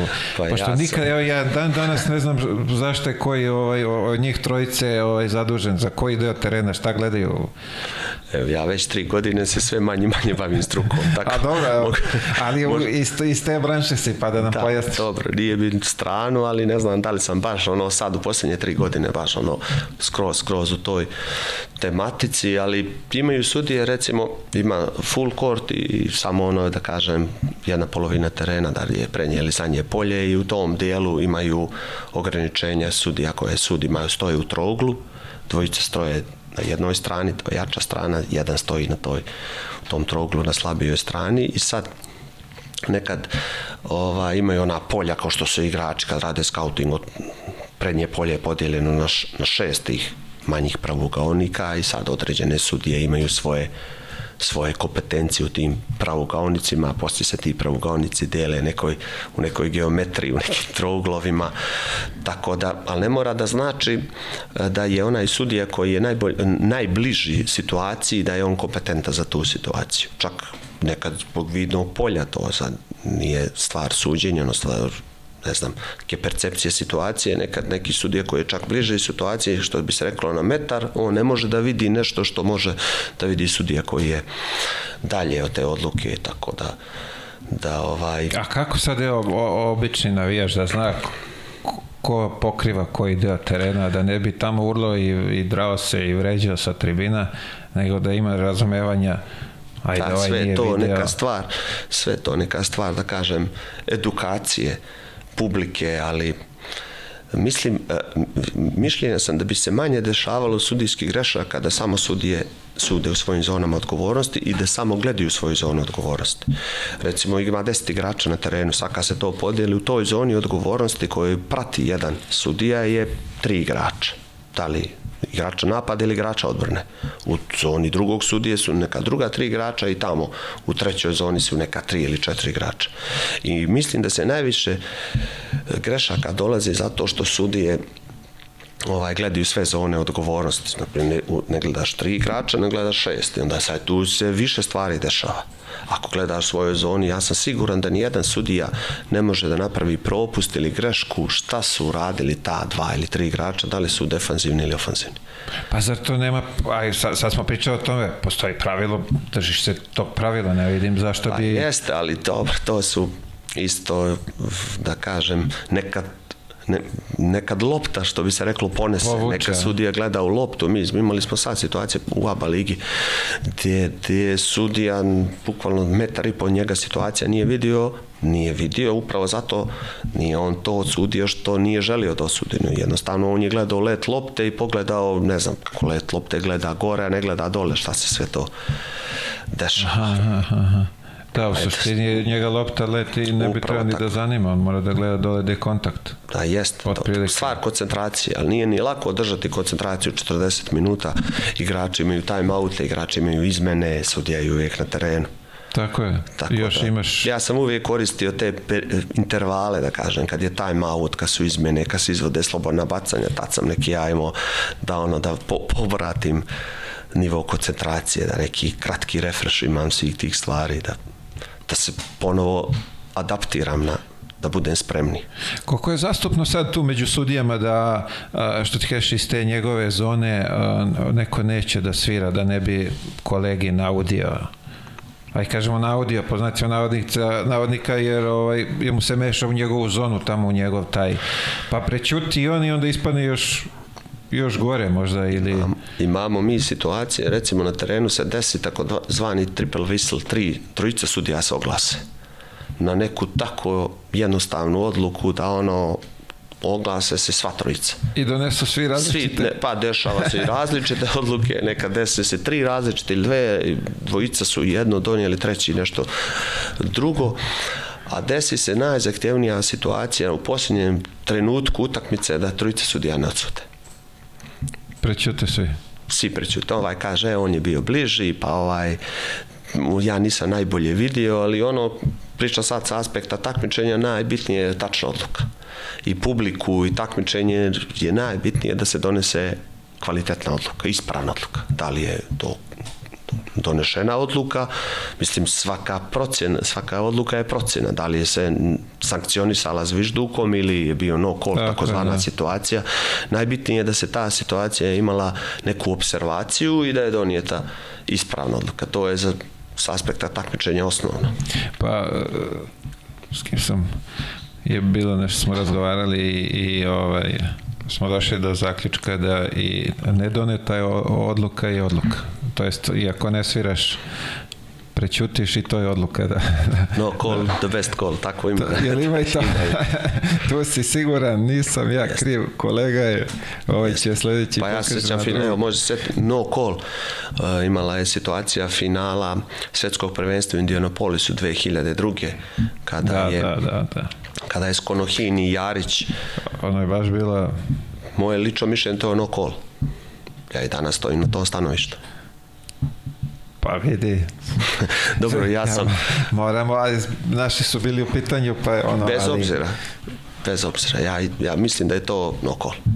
Ja imam neke moju analizu zašto je to no call.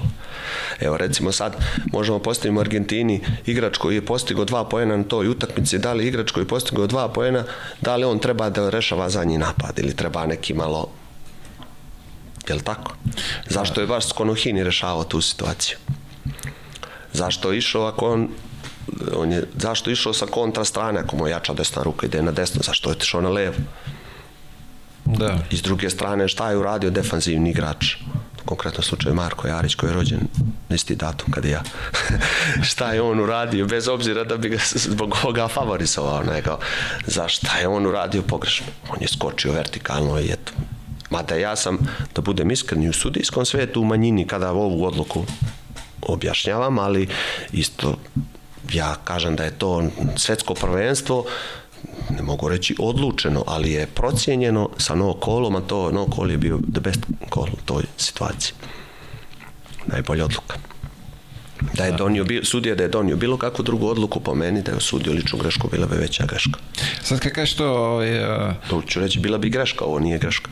Da, da, da, nego sad spomenuo si te neke, kad neki, ajde kažemo, koji nisu goš, košgateri uzmu neke ovaj, da prave te neke završne šuteve šta god pa me zanima ovaj, to me podsjeti pa me zanima kad sad lupam sudiš neku utakmicu gde neka razlika velika i, i, i taj što gubi krene nešto da, da, da ti dobacuje da ti šta god Jel mu skreneš ti pažnju, prijatelju, bre, gubiš 20 razlike, skoncentriš se na svoj posao.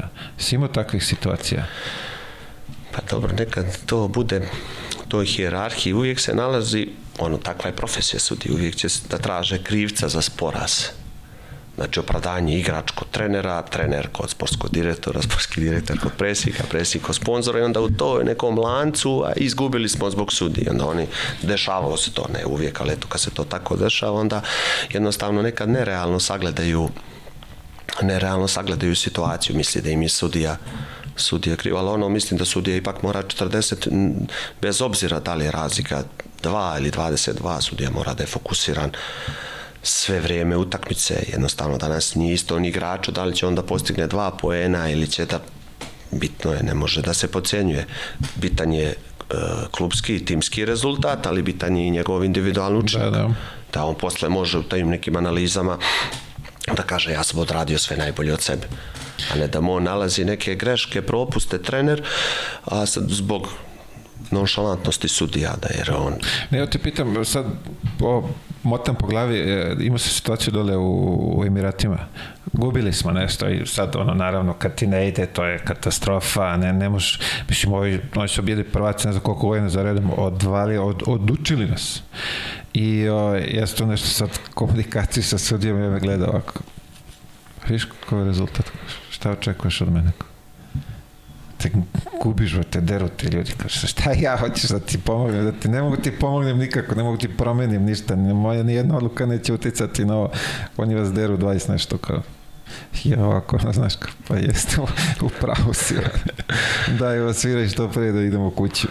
Pa, dobro, mislim, ja sudije trebaju da, da ono što sam rekao, da ipak imaju njihova je obaveza kao igrača da najbolje igre i trenera da to bi kao trener sada pravi neke izmene koje su nelogične da igraju pet centara, to nije tako. Jasno, da. Znači, on mora da drži fokus sve vreme utakmice. Utakmica je priredba sama za sebe, ona traje koliko traje i ko je gleda, hoće da uživa u tome. Igrač igra hoće da uživa i treba da on ima uživanje. Bilo bi lepo kad bi svi uživali, znaš. Lepo, to, je, to je baš bilo lepo, ali to je malo ovaj... Iskreno, ja sam uvijek imao tu, dok sam bio na terenu, imao sam tu strast da sam stvarno živao na terenu. A posle prvi put kad sam osjetio da nema tu, da nemam tu emociju, odmah sam prestao da sudim. Nisam odmah, odmah sam sebi rekao, ovo nije to. I sad kad kažeš strast, šta, šta te motiviše kad izađeš na, na, na te terene? Imaš, ajde, strast, šta te vuče to? Ti si došao tamo da sviraš nekim, sad nebitno koje su ekipe, koji su igrači,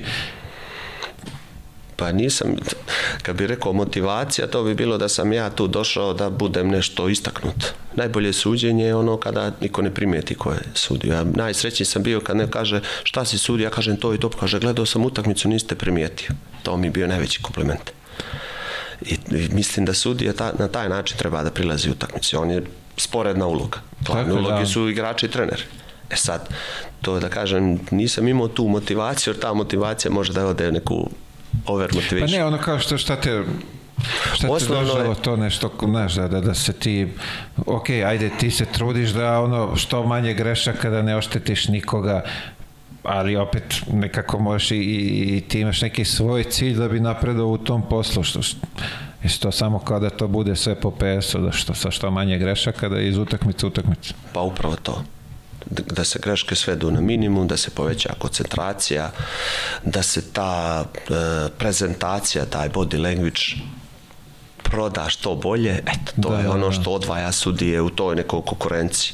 Koliko god mi bili, eto, rekao sam pre, da imam veliki broj i prijatelja i kumova i brat mi je sudija i, i ipak ipak smo mi tu svi negde u nekoj konkurenciji, jer u finalu može samo da sudi dvojica ili trojica. Tako da i to je bitno. Kad spominješ koncentraciju, Jel postoje neke vežbe ko, koje vi primenjujete za to da budete skoncentrisani za, za taj period utakmice i kako to se, imate nešto specifično, neke treninge? Pa nema, ja nisam nikad da kažem imao neke specijalne ovaj da kažem pripreme u smislu koncentracije niti sam neke razgovore sa psiholozima eto ja se izvinjavam toj struci što verovatno bih bio bolji da sam sa njima razgovarao mislim da je ovaj ja sam se ono na utakmicu sam dolazio da sam u pripremi utakmice uradio sve najbolje od sebe da sam izanalizirao igrače, znao sam ja karakteristike svih igrača, trudio sam se da, da znam, da sam dobro fizički trenirao i da sam dobro odmorio pred utakmicu. Znači bio sam motivisan u tom dijelu, bio sam organizovan i koncentrisan. To su mi bile, da kažem ovako, motivi da, na utakmici tako sam se pripremao. I onda ja kad znam da sam dao sve o sebe u pripremi utakmice bio sam jer je ta psihologija sudije je izuzetno važna. Meni je nedo, mislim svi mi imamo neki svoj život van terena ali ta dva sata na terenu mora da se pokaže i da se eliminišu svi drugi spoljašnji faktori koji su da li su ili prioritetni ili sekundarni u odnosu na samu utakmicu ali utakmica je dva sata. To je mora da se drži fokus. Sad kažeš psihologija, ovaj, je li bilo neko da te, da te izbaci iz takta, da li od trenera ili od igrača nakon, da, da, da te nadbudri psihološki ne, za vreme utakmice? Da nisi mogao da se izboriš s njim nikako? Ma, mislim da sam se sa svima njima na adekvatan način borio ali ima, na primjer, izbacili su mi iz takta dva, tri trenera, možda je ovo prilika da ih pomenim, da se izvinim, da kažem da ono, nekad sam izašao iz nekog okvira svoje ličnosti, da sam ono nekad postupio možda i neprofesionalno i da sam na neke njihove uvrede. Prvu polaznoj osnovi mislim da oni nisu bili u pravu, ali posle ja sam bio uh, ispao krivac zbog neke svoje reakcije da sam ih uvrijedio recimo trener Nikitović sadašnji trener Dinamika on kad je trenirao Olimpiju me na jednoj utakmici tako nekim prigovorima dobro, to je dio igre, on želio da pobedi, onda sam ja tu malo iskočio. Is, iskočio mi je sigurač, pa sam ja ga uvredio.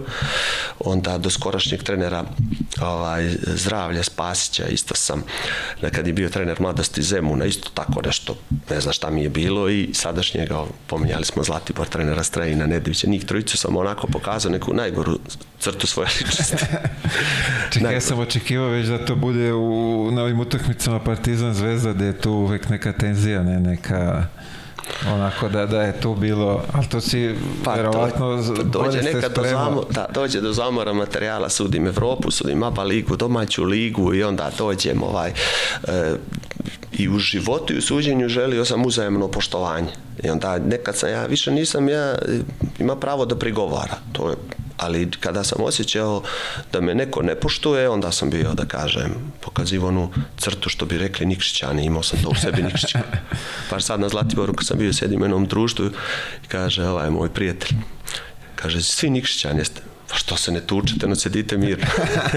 e, tako i ja, tako tad sam to pokazio u sebi mi kad osjetim da me ne poštuje ili da me ne uvažava u smislu komunikacije i kada ono baš hoće da fokus sa utakmice skrene na fokus na suđenje ili konkretno na mene, tad sam da kažem bio ovako možda je malo i neprijatno. A sad dok sam pripremao ovo sve da, da, da, da ovo funkcioniše na nešto da liči ova emisija, ovaj, naletim neku sliku ti i Pera Antić i on ti se uneo u facu. Nema pojma kad je nastao, ako sam možda, ja mislim da je Zvezda, da je u Zvezdi da, da. bio.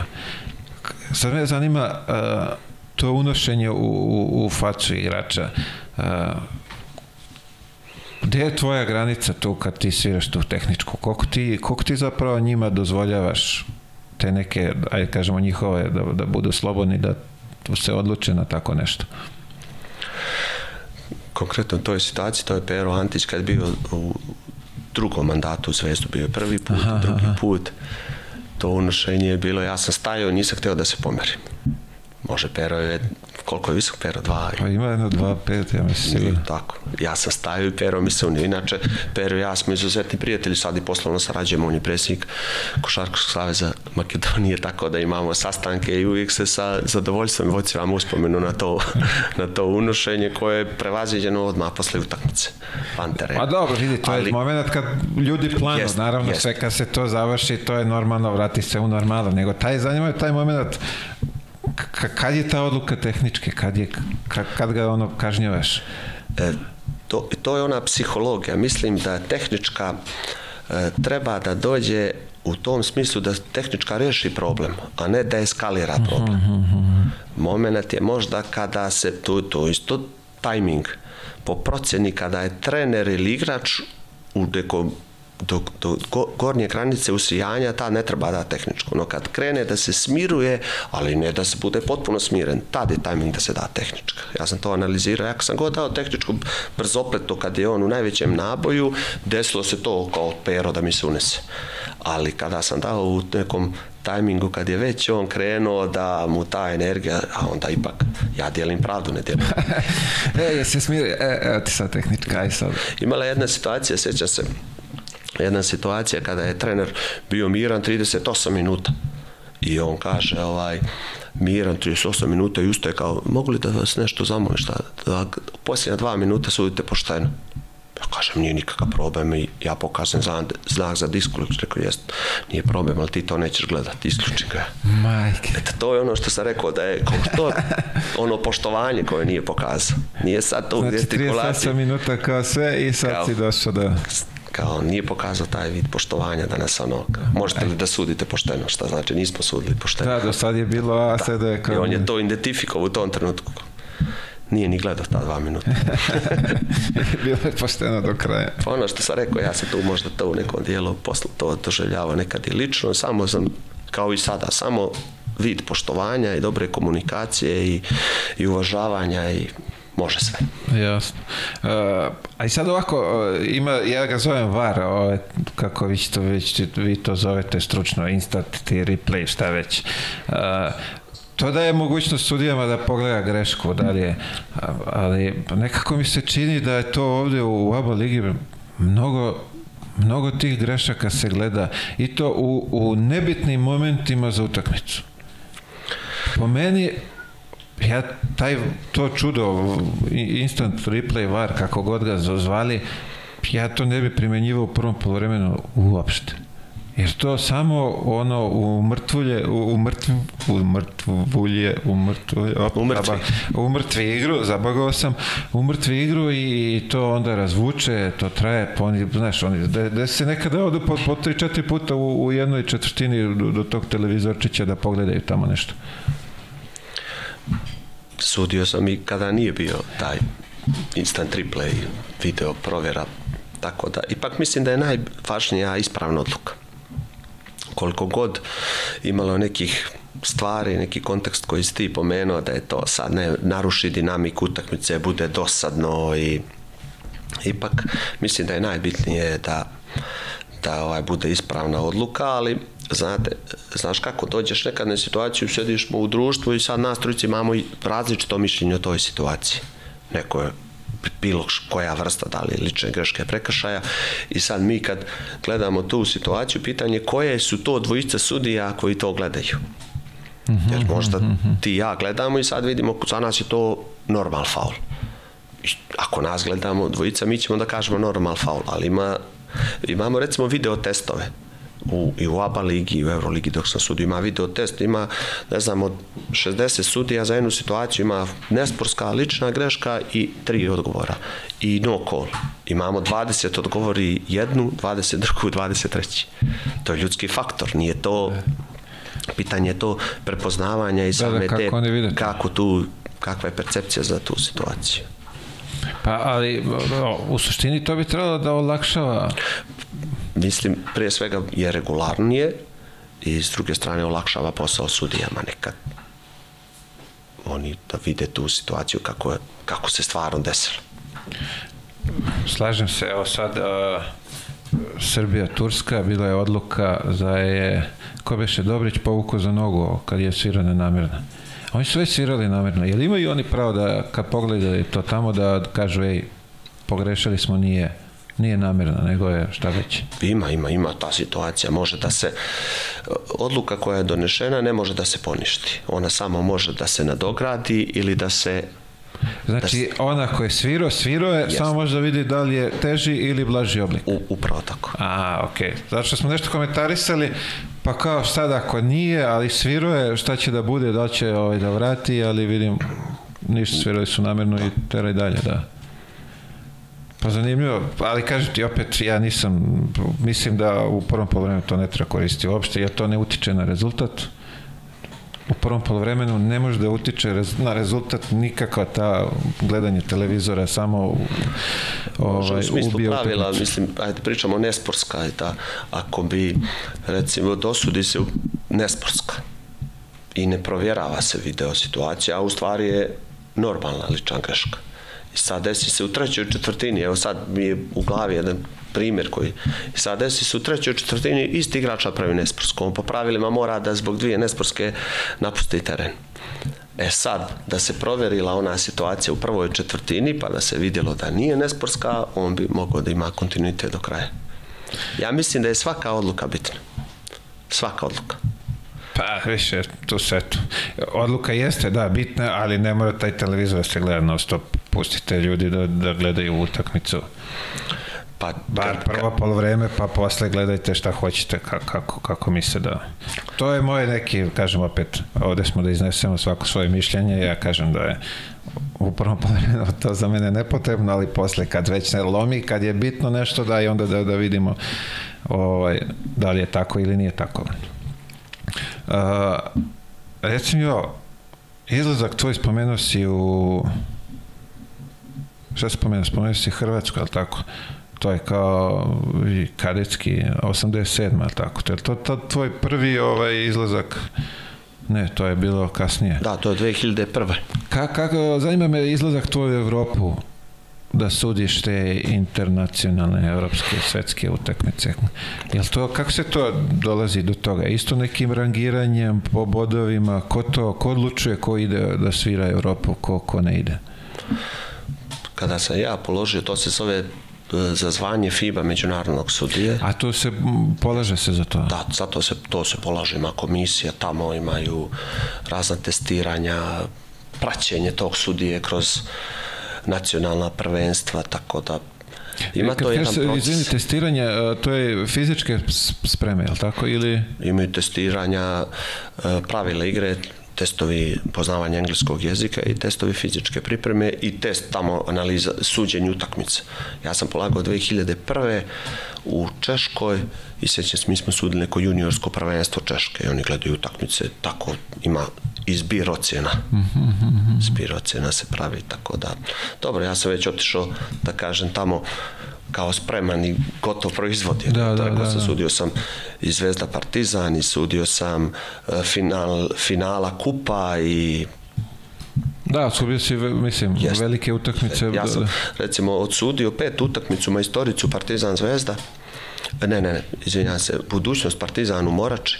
Pet utakmice otišao na polaganje. Znači, ja sam otišao tamo, došao, mislim, baš ono sa, sa dobrim iskustvom i sa velikim samopouzdanjem. Vi što, ja sam mislio da se to ovde nešto rangira, pa se odavde šalje neka međutim, lista. Međutim, sad kako sam nešto informisan, ima neki sad da polažu Fibine sudije, ne znam da li su osvudili jednu ozbiljniju utakmicu ili neki derbiju. Pa to derbi. se primetilo na Evropskom prvenstvu. Tako da. Moglo se primetiti ko je ovaj malo pažljivije to gledao njihove odluke i na što to liči sve. Ali to je sve zbog, jel, ispravi me zbog ove odluke Euroliga, FIBA? Pa jeste, to je to jedini, da, da kažem, sudije su jedini e, faktor ili subjekat u, u tom nekom raskolu kojima nije dozvoljeno da sude ili da participiraju oba takmičenja. Imamo trenere koji su treneri u u euroligaškim klubovima i selektori su reprezentacije. Imamo igrače koji igraju u Euroligi igraju u reprezentaciji. I sada ovaj, imamo sudije koji sude Euroligu ili sude ABA ligu i ne sude reprezentacije jednostavno, ne znam, ako igraju najbolji igrači, ako igra Jokić, ako igra Janis i sad Dončić, da ne nabrajam, ja mislim isto tako da trebaju to je sudije da sude Apsolutno to- slažem, da. isto tog nivoa. Mislim, bilo je govora o tome za, za vreme Evropskog prvenstva. Ovaj, a, jel imate i neko udruženje ti sudija nešto, da, da se tu neko da ima u, Euro, sindikat ima, nešto ima u da se... Euroligi ima sindikat, ali to je samo uh, ograničenje na Euroliga. za Euroligu. Jednostavno, e, takmičenja, da li je to Euroliga, da li je FIBA, da li je ABA liga, ona ima mogućnost odabira sudija. E sad to je tako ko što i klubovi prave selekcije. Verovatno da, verovatno A da. da. mislim, čudno mi je da kad kažeš i Janis i Jokić i svi ovi najbolji, da nemaju i najbolje sudije na, na tom takmičenju, da ne bi dolazili... Kada, su, kada je olimpijada i svjetsko prvenstvo u pitanju, tu, tu su samo nisu najbolje sudije iz Evrope, ali tu su najbolje sudije iz imali smo na prošlom svjetskom prvenstvu dvojicu e, sudije iz NBA, najbolju dvojicu iz sudije iz Australije, iz Brazila, iz Kanade, to je najbolji nivo. A što se tiče Evrope, to nije već najbolji nivo upravo zbog ovog raskola što imamo Da, da. Euroliga i tako da svjetsko prvenstvo i mada se ta možda neki pritisak javnosti pojavi ono već pred početak prvenstva da neće biti dobro suđenje ono Pa i na onim pripremnim utakmicama što je bilo i pa da, ali, kvalifikacije ali- što je pa mislim da je tu malo već se nešto izdeformisao stav javnosti prema tome moje lično mišljenje je da su te sudije su bile dosta dobro pripremljene i da su kvalitetno sudile. Nije tu bilo nekih nekih velikih propusta kada su borbe za medalju i neke utakmice. Što, Pa dobro, već su verovatno da tad selektovali su nešto, probrali su u, u, Jeste, za te lično mislim da, odlučujuće. da u državama koje su košarkaške države, da na primjer e, razlika između drugog i petog sudije i u rankingu, recimo u Srbiji, Grčkoj, Francuskoj, sada ne znam, Turskoj, da to je vrlo mala razlika. To je ono odabir, znamo nekad izađe spisak selektora i mi, mi mislimo da neko treba da bude, neko da ne bude. Što ne znači neki sudija koji je tamo sudio da nije bolji od nekog koji je mislio da on treba da sudi. Ili neko misli. A dobro, mi, i to što kažeš, mi gledamo po, po ovim zvučnim imenima, tako da uopšte da možda je tamo neko bolji i talentovaniji od ovi što su sad kao na vrhu. Upravo to. Treba im dati šansu, ali opet za sve treba imati razumevanje. Tako. A, spominješ tu zabranu sad FIBA, Euroliga.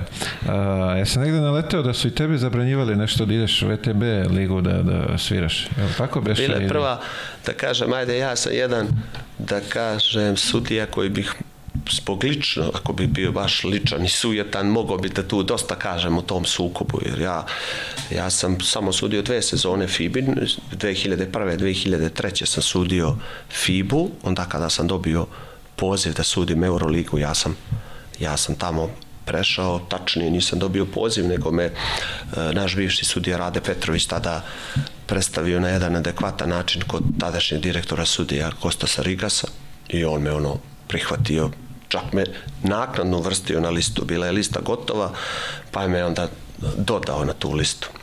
Tako da, ja koliko god mislio da možda u karijeri sam trebao da nešto više sudim, imam više, ali ipak imam u glavi da sam ja neke stvari možda dobio tako da ono, Bogu hvala, Pa dobro, nisi, ajde, nije, i- nije ti niko poklanio, ti Pa- si zaslužio to svojim dobro, radom, nadam, nadam se, trudom. da, nadam se da sam opravdao i sad ja kad sam prešao ja sam sudio recimo te sezone to je ova BCL liga Fibina liga šampiona bio je FIBA kup ja sam te sezone sudio finale FIBA kupa i prešao u Euroligu i sad su oni smatrali da sam ja to neki napravio neku izdaju Da. i onda me nikad nisu pošli, posle su mi bila da kažem zatvorena vrata u FIBI a bilo je neki koji su prelazili tako iz godine u godinu malo FIBU, malo Euroligu njima nisu to ovaj, uzimali za zlo mada nije mi žao tako te neki zabrane u tom dijelu bilo, a ti si negdje nešto našao. Nešto je u, VTV lik. Tako je nešto.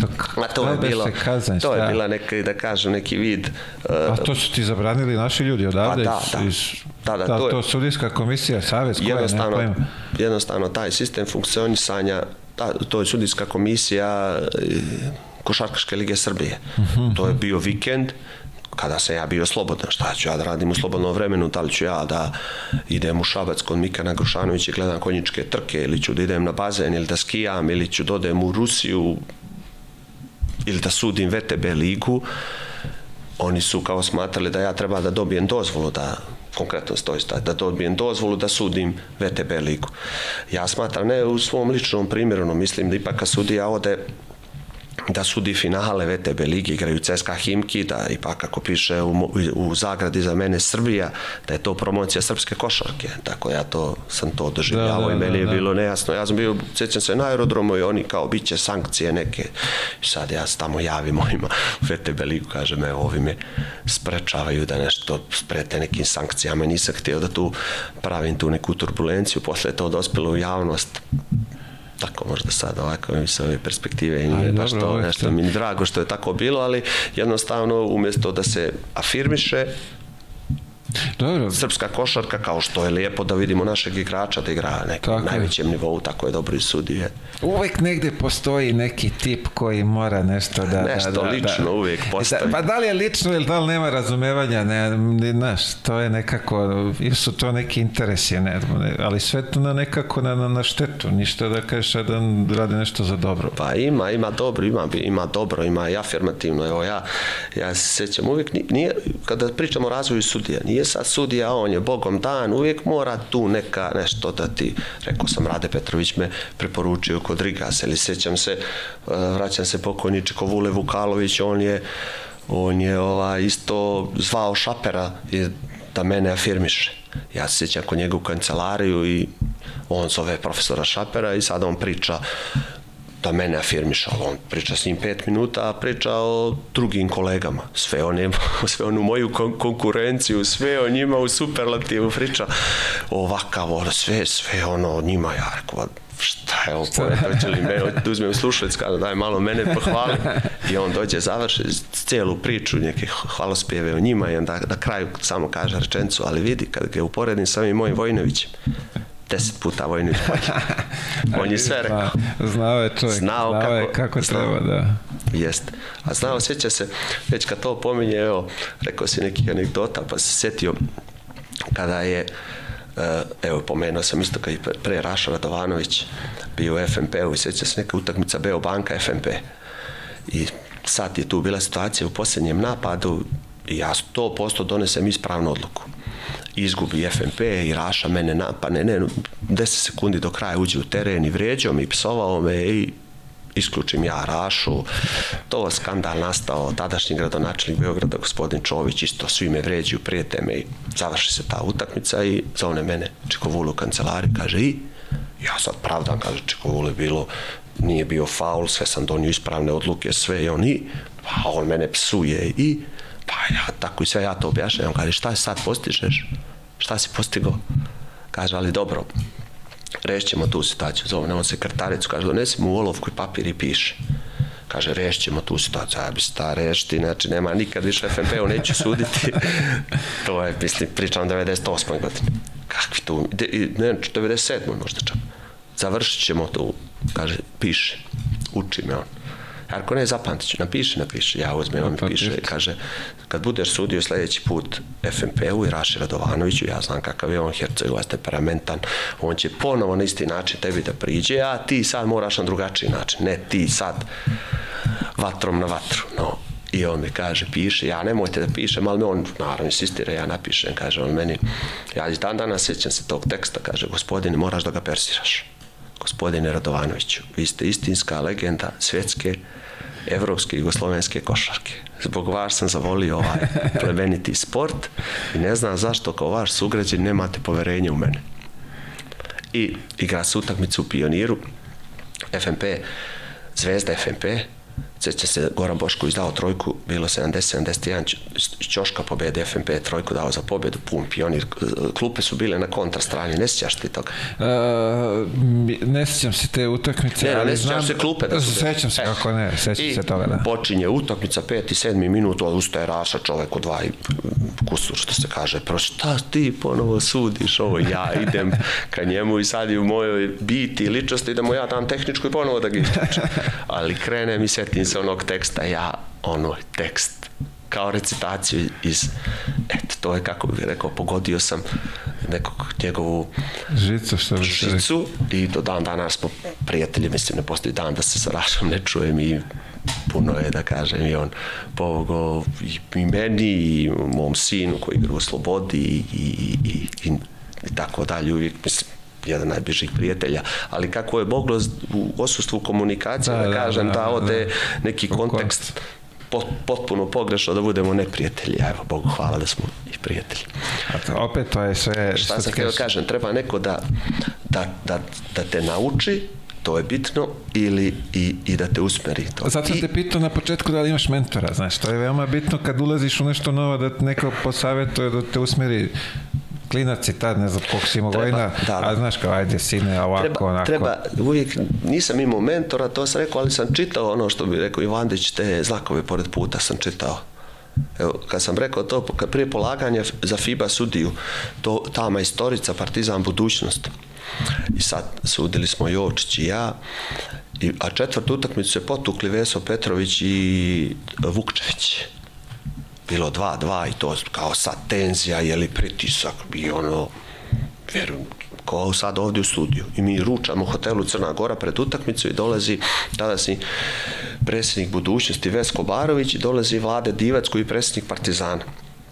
Divac je bio igrao tada u Sakramentu, to je 2001. i bio predsjednik Partizana i nešto su oni ispali od Lakersa, sećam se i on došao tu te godine Divac igrao, final, uh, igrao All Star kao prvi evropljanin koji koji nije studirao u Americi te 2001. bio ono što se kaže zenitu karijere i mi ručamo i dolaze dva predsjednika kluba, sad iz ove perspektive ovog posla zamišljam, sad je nezamislivo da pred utakmicu dva predsjednika kluba ručaju zajedno i pričaju i dolazi Vesko Barović momci kako ste prijatno sve ono najljubaznije i kaže on kaže on, evo, došao nam je Diki iz Amerike, je došao, ali da gleda košarku. Nije došao da gleda rukomet.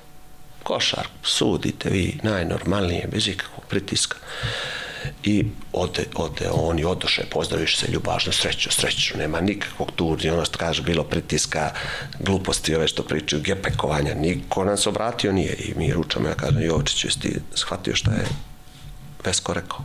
Pa, pa rekao, slušaj, tad budućnost, ono, znači 12 igrača, a ne zna se ko je bolji.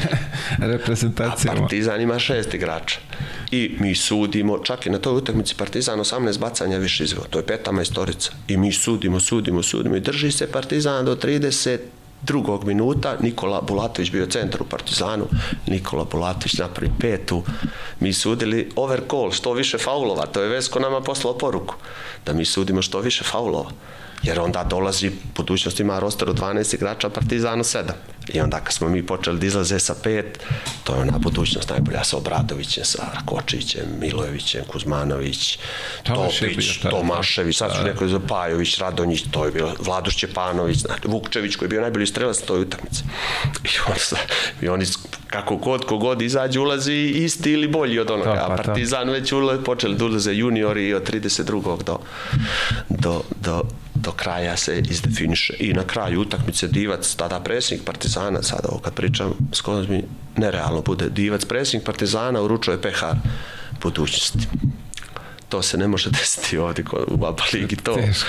to teško. Teško skroz. Ali ne pričamo, rekao sam o mentoru, ne, nisam imao mentore, ali sam se trudio da te da prepoznam koje mi stvari dobro donose u karijeri i mislim da sam to na pravi način koristio ta iskustva ljudi koji su Bogu hvala napravili velike rezultate koji su ostvarene ličnosti koji su donosili uspjehe našoj košarci o njih sam volio da učim da nešto ja njih, njima ne pametujem. Jasno. Uh, o, koliko sam ja ovaj, razumeo, futbolske sudije, oni uvijek imaju neki posao sa strane, pa im futbol tu, pa, ne znam kako bi nazvao to, kad dođe ko hobi spore, onaj part job, kako već. Uh, jel može od ovog posla su, sudijskog da se živi, kažemo, normalno, pristojno? Ili zahteva dodatni posao? Ja od 2001. kad sam položio za Fibinog sudiju do kraja karijere, samo sam se bavio profesijom sudije meni u, u ritmu utakmica kako sam imao od početka, mislim, te 2001. položen za međunarodnog sudiju, pa 2001. počne ABA liga. I onda u tom ritmu putovanja e, znaš kako, ekipa igra jednu kod kuće, jednu na strani, sudi je uvijek na strani. On gostuje. Da, da, on da, on uvijek- nema, ku- misli jedno ako ti tu nešto da, da Upravo živiš, tako. Ja da, sam tada da. živio u Nikšiću i to da uskladiti ta putovanja međunarodnih utakmica, ba lige domaćeg prvenstva, to je to je bilo da se ne znam od 365 dana 200 bio osutan i to je to je ovako ne znam koji bi posao mogao da se organizuje i da se radi adekvatno da se radi profesionalno. Yes. tako mislim da da i većina tih vrhunskih sudija u Srbiji samo da se kaže usmjerili su se na taj posao, taj posao je Bogu hvala i profitabilan i tako ta karijera dok traje. Sad treba ovo kao što pripremiti teren za završetak karijere kako igrači, tako i sudije. Dobro, ja sam prekinuo da kažem relativno rano u odnosu na to smo moje kolege i pre nego smo počeli da, ali... i negdje sam prepoznao trenutak kada se u, otvorilo mesto i prijavio sam se na konkurs da budem u novoj funkciji, tako da je ono treba uvijek prepoznati neke, neke stvari i smatrati ih ne kao pravo i kao no, baš u smislu da je to neka i privilegija. Pa dobro, sam si rekao da ovaj, zna koji pored puta, tako da Pa eto, rekao bi da ti to brzo ku- kupiš, kapiraš i da ono, bitne su prave odluke u pravo vreme. da u tom smislu da posle nema da, da ne želim da se kajem, da razmišljam o tome. Možda sam mogao da sudim, možda večeras da budem na nekoj utakmici, ali a kad bih razmišljao, a što nisam se onda kandidovao ili što nisam neki moj prethodni posao i biznis nastavio ili e, neko sam se opredelio da sudim, ipak to me vuklo i da kažem tako neki Bogu hvala da se posle sve te stvari na pravi način i odvijale i okrećem se iza sebe da li je moglo biti drugačije ili bolje Bogu hvala da je ovako. A, reci mi, šta smatraš svojim, o, aj kažemo, nekim najvećim dostignućem utakmica koje si svirao? pa nisam nikad utakmice delio na te velike i male da kažem Pa dobro, Ali- kapiram da lupam. Dobro sudio. Finale od- nisam sudio, da nisam bi sudio nikad, nisam nikad sudio uh, na, na taj vrhunski nivo finale ni olimpijade, ni svetskog, ni evropskog prvenstva, nisam sudio ni Final Four Eurolige, sudio sam Eurokupa, sudio sam veliki broj play-off utakmica i majstorica. Ja u jednom trenutku kada sam ja bio na zenitu sudijske karijere, kad sam recimo sezonu uh, Kosta Strikas koji je bio direktor sudije Eurolige, ja sam imao kod njega baš status i razvoj, baš ono išao, ne znam, da bi mogao da poželim bolje. U njegovoj, kada je njemu istekao ugovor sa Euroligom, ja sam te sezone sudio dve majstorice, dve majstorice u play-offu. Sudio seća se Olimpijakos Real, ali sudio sam Baskonja Barcelona. Tauker Meke Barcelona i on me delegirao na finale Eurokupa i rekao ovo je sad sudio si ovo, za tebi ima vremena i baš sam ono uživao jedan puni komfor, poverenje koje sam ja naravno na terenu ovaj opravdao. Na kraju te sezone kada sam ja trebao da možda napravim neki iskorak veći u karijeri, došlo je do smene u do smene ovaj, u tom referee departmentu kada je umjesto Rigasa došao ovaj, iz Engleske Stokes i onda on, on me nije prepoznao i onda sam ta moja karijera u Euroligi je otišla jedan korak dva nazad mm -hmm. tako je negdje slično bilo i u ABA ligi jer u vremenu kada je ABA ligi bio sportski direktor i komesar Danko Radić i Aleš Kamnikar bio sam prvorangirani sudija u ABA ligi prvorangirani sudija ne znači da sam bio najbolji sudija, jer ocjena nije merilo đaka niti sudije, ali bio sam po tim ocjenama najbolje rangiran sudija i da kaže, ajde, to su neki možda ovako dometi koje sam dostigao najviše. Verovatno, verovatno da je imao sam dosta sreće, Bogu hvala, prije sam rekao sam zadovoljan svojom karijerom, ali da, da su u kontinuitetu nastavili Rigas Radić i Kamrikar, mislim da bih ipak ipak imao sudio verovatno i dalje. Ali Bogu hvala što se pojavili ovi, pa da je malo bilo tu neke turbulencije, da sam se onda preusmerio na ovu funkciju i eto tako.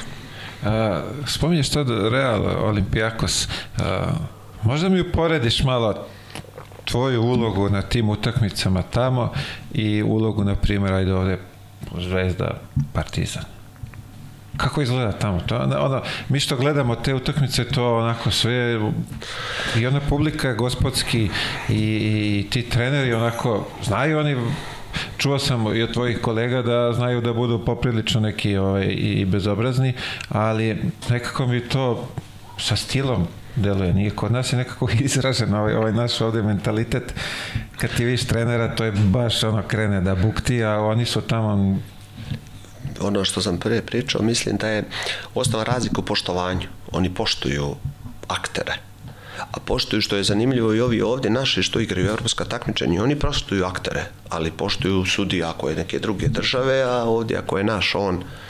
Jednostavno sudija odavde to ima veće poštovanje tamo negdje u Evropi nego ovdje gde je odakle sto da bude tako.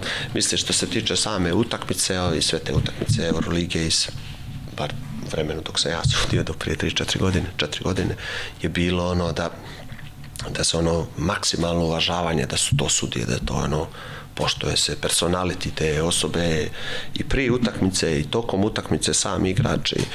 Negdje sam ja, ja, ja sam ja sam se uvijek postavljao u istom nivou, istoj ravni sa akterima utakmice sa trenerima. Ja ako sudim Euroligi, bilo koji klub, ja smatram što je, ne znam, Navaro u Barceloni, ja sam na terenu Navaro za sebe. I s druge strane, ako odem sudim u Smederevo, ja se ne smatram da sam ja onaj iz Barcelone, nego ja sam taj nivo.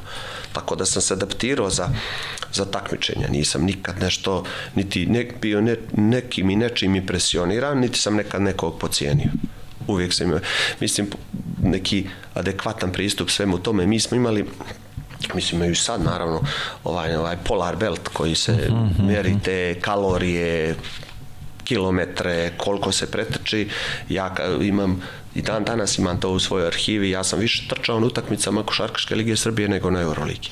To u Euroligi se podrazumeva da si ti aktivan i da trčiš, a ovde, ovde dolaze da gledaju kao da li on će to da pocijeni tako, tako da sam Ovde si bio jest, sprinter. A, ažuran čak u tem nekim rotacijama sam preterivo da bi ono pokazao tu neku, neki vid profesionalizma. Kako izgleda sad, uh, sudiš na primjer Barsu i treba da dođeš ovde u Smederevo, Kosjerić, nebitno gde, gde te zapadne. Prvo to putovanje dok se ti vratiš, pa odavde sedi u auto, pa opet... Pa, uh, to se stvar uđe u neki automatizam, to utakmice, utakmice, utakmice, Euroliga, Eurokup, VTB, ABA liga, domaće prvenstvo, uđe se stvar u taj automatizam i to je negde, razmišljao sam ove poslednje 3-4 godine, on nekad razmišljam o sudijama, kako oni to rade, već nekako to je, može se reći, deformacija svih tih utakmica. A dobro, utakmica kao utakmica, ćeš na teren što što rekao neki stari kolega, isti su uslovi, koštari 0,5, teren iste dimenzije, 5 na 5, igraju lopta istih dimenzija, košarka je košarka igra i ne znam, ne treba nije to, to su različiti nivoi, ono što znamo igrači što su na većem nivou, oni su bolji tehnički i taktički obučeni i oni manje greše. Najteže je suditi utakmicu kada ima puno tih grešaka, da, tehničkih da, da, grešaka, da. ne tehničkih ono što ne, jasno, to su jasno, da. mnoga greše nekim elementima tehničke obučenosti, onih osnovnih dodavanja, da nisu recimo centri dovoljno savladali tu centarsku tehniku pa prave neke korake ili nešto tako. To je teže sud. To, to, da, da, ovaj, da, tamo oni, To je muka, ne znaš da li da sviraš ili da ne sviraš, to je... Da. da je tu treba napraviti neki balans, postaviti kriterijum šta je tu šta je tu dozvoljeno, šta nije dozvoljeno i tako. Ali u Euroligi, ono, mislim, bilo je utakmica da ono stvarno čovek uživa, vidiš da sto igrači, da on Dobro, to su vrhunske klase igrača i ti si Jest. tu osjećaš, osjećaš privilegiju u stvari da, pa, ovaj, baš, da, baš. da njima Jest. deliš pravdu. Da, baš tako. A se desilo nekada da se ono, zagubiš, da ne znaš gde treba da kreneš na utakmice i to. Ni, nisi imao te pa, propuste. Pa možda se dešavalo, ali to su samo neke trenutne trenutno dešavalo se da završi se time out, trojica sudija mi nešto pričamo kao ne znamo šta je nastavak. Ja.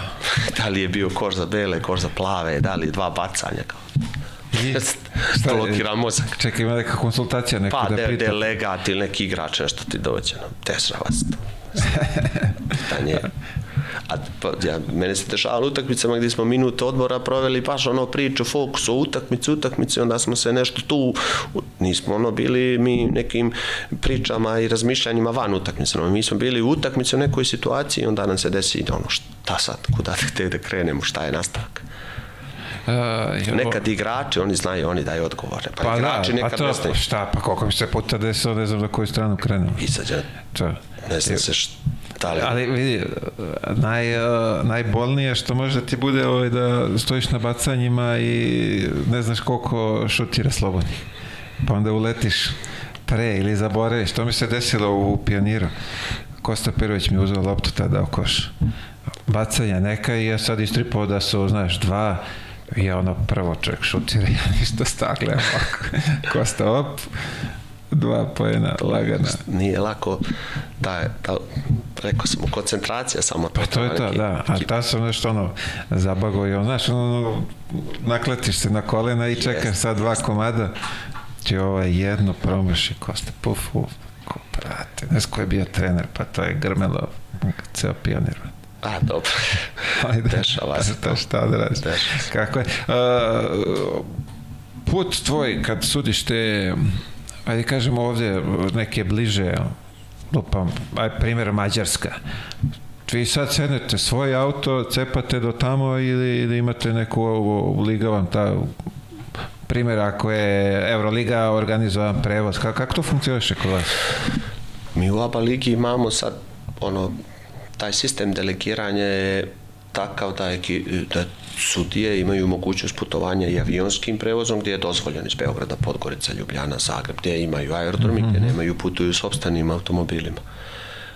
Tako putuje sam automobilom, dobra je Bogu hvala putna infrastruktura. Sad razmišljamo u ABA ligi da da ovaj, se napravi neki, neka kompanija, da li je to neki ovaj, neki proizvođač automobila ili neki, neka agencija koja će da nam izdaje automobile, to je neki sad procedura, možda evo sad senzacional, senzacionalnost koja će da bude recimo automobili u Beogradu i svaka sudi iz Beograda putuju u Zagreb, uzmu te automobile, odu, vrate se i ostaju tu. Uh mhm, -huh. Mhm. Ili obrnuto iz Ljubljane idu za Bosnu i Hercegovinu, Crnu Goru i tako da i ima u tom delu da, razmišljanja, jasno, ali mislim, to je, ideja, da. To je, to je sada, za sada ovako putuju sobstvenim automobilima, ako već ne putuju avion. Pa dobro, to i nekim kompanijama može bude zanimljivo. Maksimalan ako... je komfort što s toga tiče. Jasno, već iz da. vremena kad sam ja sudio i u Euroligi, Aba Ligi, to je ono maksimalni komfort i ono, udobnost, smeštaj u najboljim hotelima i sada ne reklamiramo hotele. Jasno, da, da, to da, hotel da. u Podgorici, Beogradu i Ljubljani, to je hotel najvećeg nivoa. Uh, ovo što me zanima to je ovde opet, to su, ajde kažemo, malo smo se dotakli i, i Partizana i Zvezde. Ko još znao od ovih naših domaćih trenera onako da, da bude dosadan pored linije? A nismo rekli ni ovih tre, niti neki drugi. pa ne, ajde, dohvatili smo se, spomenuo sam Duleta Vujoševića, ovaj, da on je onako znao da, da odreaguje. Dule Vujošević, jednom sećam se, Dule Vujošević, da ne pričam utakmicama Zvezda Partizan, sećam se, jednom sam sudio Metalac, Metalac Partizan u Valjevu. Sećam se to jutro bio je pominjem isto Danila Mitrovića iz Podgorice, iz budućnosti. Mm -hmm. I on nešto imao zdravstvenih problema i operisao ga je profesor Đukanović iz Metalca. I sad ja znam da je on operisan pre par dana i rano ujutru i zove me Danilo. I on ono zove i priča najnormalnije, sad ja ne mogu da verujem da je on pre par dana, ono dobro zvuči znamo tako da se našali sa mnom ova desi posrbico kao sad on mene zove i priča i kao vidi kako si kaže dobro operisao te profesor Đukrović kaže jeste profesor Đukrović me operisao ja ga, ne bi mi on trebao da nije bilo vaš sudija vi ste mi srce oštetili da skupite pare za operaciju i on završava razgovor i kaže evo pozdravite Boško i Duško ja mislio Boško Đukanović i Duško Šuška, brat. Da, da, Đukan. I dobro, i dođe Jarko, i mali, Danilo pita mali posjet ako tebe dok dolaze i dođem ja tu veče i već malo Duško Vujošić malo lošijeg zdravlja i sad Danilo kaže meni vidi baš danas kad ono kad sam te zvao baš Duško je malo ako stani stani polako ti si me zvao danas A kad me zvao, rekao mi je da malo pomozi ovime iz metalca, spasili su mi život, kao sam profesor. Rekao, ti si mene danas zvao? Kaže, zvao sam te, bili smo, pa rekao sam ti, pozdravlju te Boško i Duško. Koji Duško? Pa Ujošević. A ja, to je bio petak, ja sutra dan sudim Metalac Partizan. Puna dvorana, ono, znaš kako igra su Valjev, ono, prepuno. I sad krene utakmice, ovi se nešto klizaju po terenu, padaju po terenu i neki prvi rezultat čini se možda ša, čak 16-4 za metalac ulazi Dule Vojošić. Ono, Ko je to utakmice bilo, izvini? To je posle Final Fora? Je li, pa ne mogu godine da se setim. Mislim, to je onaj metalac koji igra u ABA ligu. A, onda nije, ne, to je bilo... To je, ne, kasnije, da, da, kasnije, da, kasnije. kasnije. U ovom drugom mandatu, to je posle Final Fora, sad ne mogu tačno da se setim, posle Final Fora koji je igran ovde u areni, koje je to godine? Tu se sudio, to finale, Cedevita, Cibona, ne planira. Ne, ovo sam, mi smo, ja sam bio kad su oni bili Final Four Euroligije tad. Pa su oni došli sa Euroligije tu, pa su mi se nešto klali jedno šest i po minuta, pa zbog toga te pitam, To da je nije bio to. prekid te utakmice, seća se prekid, bila kondenzacija, morali smo sat vremena da se prekid, Nije, nije, bilo nije, prepuna nije, do nije, onda nije, nije, nije to. I sad poveo metalac, ono u transu navija publika i sad Dule ušao u teren, ono njegovo, za, koliko je kondensacija, zamagli mu naočar, on kao time out, time out, kao ono njegovo i kaže mene, je li bre, ko treba da se operiše, o čemu se ovde radi? ja, mislim se, Danilo, kako si mi, kako si mi nasapuno dole pod. Tako da kažem, i sjećam se tih nekih, da kažem, dosadnih trenera. Tu mi, rekao sam ti, to je neki dio posla treneri koji to Ali ima rade. tu verovatno bude i nekih onako smešnih dobacivanja, ima smešnih, anegdota. ima, ima, ima anegdota, recimo bio je, bio je, pokojni Stepi je bio čudo. Pokojni Stepi, on, recimo, eh, ja sam tad živio u Nikšiću, igrao on sa borcem protiv Nikšića i bio je nezadovoljan suđenjem i on konferencija za štampu i kaže Stepi, evo vidite, vi poznajete košarku, ja sam i pred utakmice i sad posle utakmice kaže ja bih volio da su mi sudili braća Vojinović. Da su mi sudili dva Nikšićanina, ja bih ovu utakmicu pobjedio. I on, ali ja već je bilo delegirane sledeću utakmicu, ja sudim borac Hemofarm. I sad ja sjećam se, doputujem ja u Čačak, doputujem ja u Čačak i Stepi me čeka na železničkoj stanici. Prvo što kaže, čuo šta sam izjavio Nikšiću? Nemam pojma, naravno, ja odmah sam javio. Kako nemaš pojma? Onda me on vozi, vozi me do kuće, uzima žurnal od nedelje, pokazuje mi. Kao, vidiš šta sam, znači, znao je on, da- znao je on, da, i sad ide utakmica, pripremi teren, ide utakmica i sad onaj, oni njegovi playmakeri, da li su da li je neko Vanović, Đurić, od Cokoljić, oni, znaš ti isto Da, da, da. Stepija. I oni vode loptu, šta igramo Stepija? Stepi gleda u mene, ne gleda u njega, kaže, igramo na Mikana iako ništa ne sude. to je, to, mislim, to je ono čega se ja sećam, ja tih prigovora. Pa to, toga, to, to, a vidiš, to je zanimljiva, za- zanimljiva ta anegdotica da, To ali on je uvek bio, on je uvek bi- ima te ove, Kako, znao je. upadice i to Kako, da je, da je, znao je to, znao je na pravi način da priđe Da, da, da. sudi igramo na utakmica i posle ništa. utakmice. Cest. A Mikana iako ništa ne sude, a mene gleda.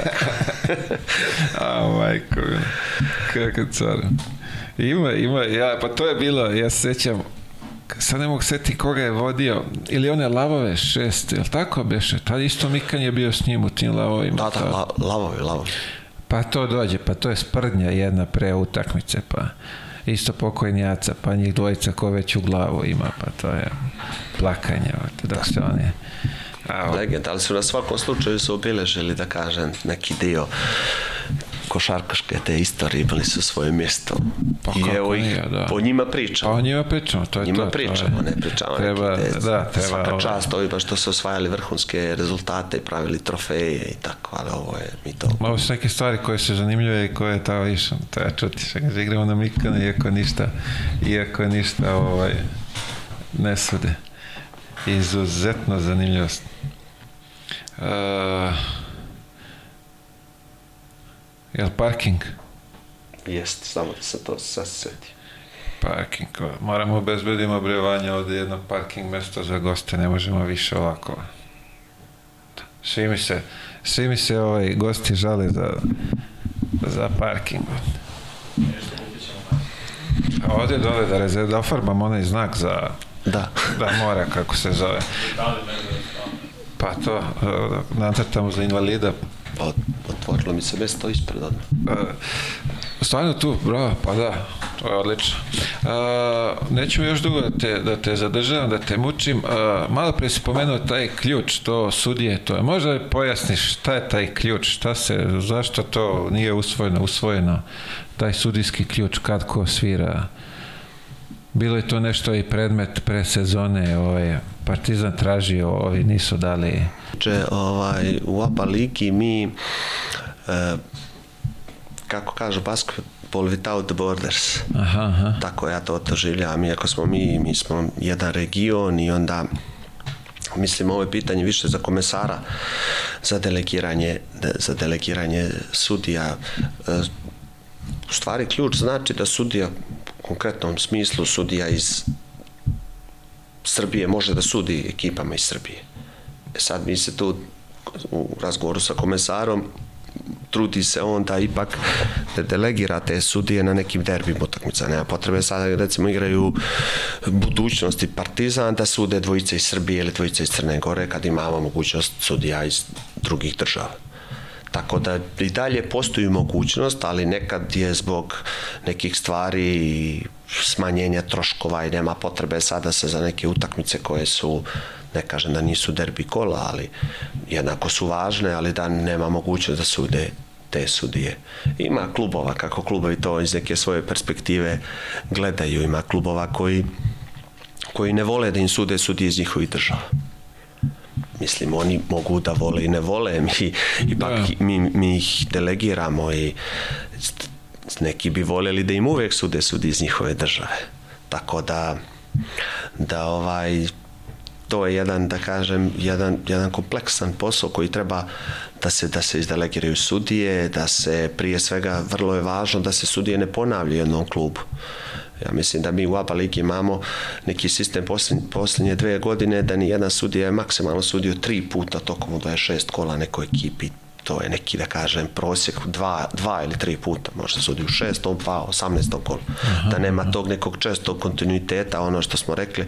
Mislim da su neke vrhunske sudije koje imaju izvaredne dometi dostignuća na evropskom nivou, da oni su se malo tu potrošile u nekom prethodnom periodu u smislu potrošile da kažem da su previše eksponirani, da su sudili mhm, ekipi mhm. po 10-12 puta tokom sezone, onda dosade jedni drugi. Da, i onda i ako pogreše, onda će svi on na njih. Da. od 10 utakmica, 9 fenomenalno, ima jedna odluka na jednoj utakmici i klub, klub uh, predsjednik, trener ili igrači imaju u sjećanju tu odluku, a zaboravljaju da je on sudio neke zahtjevne utakmice kada su oni pobeđivali tako. Pa to je isto taj uh, mentalni sklop da čovjek pamti samo te lo, loše stvari koje se dešavaju tako Jest. da i uvek će zapamtiti to gde je neko pogrešio nego da što je donio nekih Jest. Nebitno koliko ovaj dobrih stvari je u, ali dobro, da. Uh, reci mi, ulogom tvojom, kako si zadovoljan na toj funkciji sad?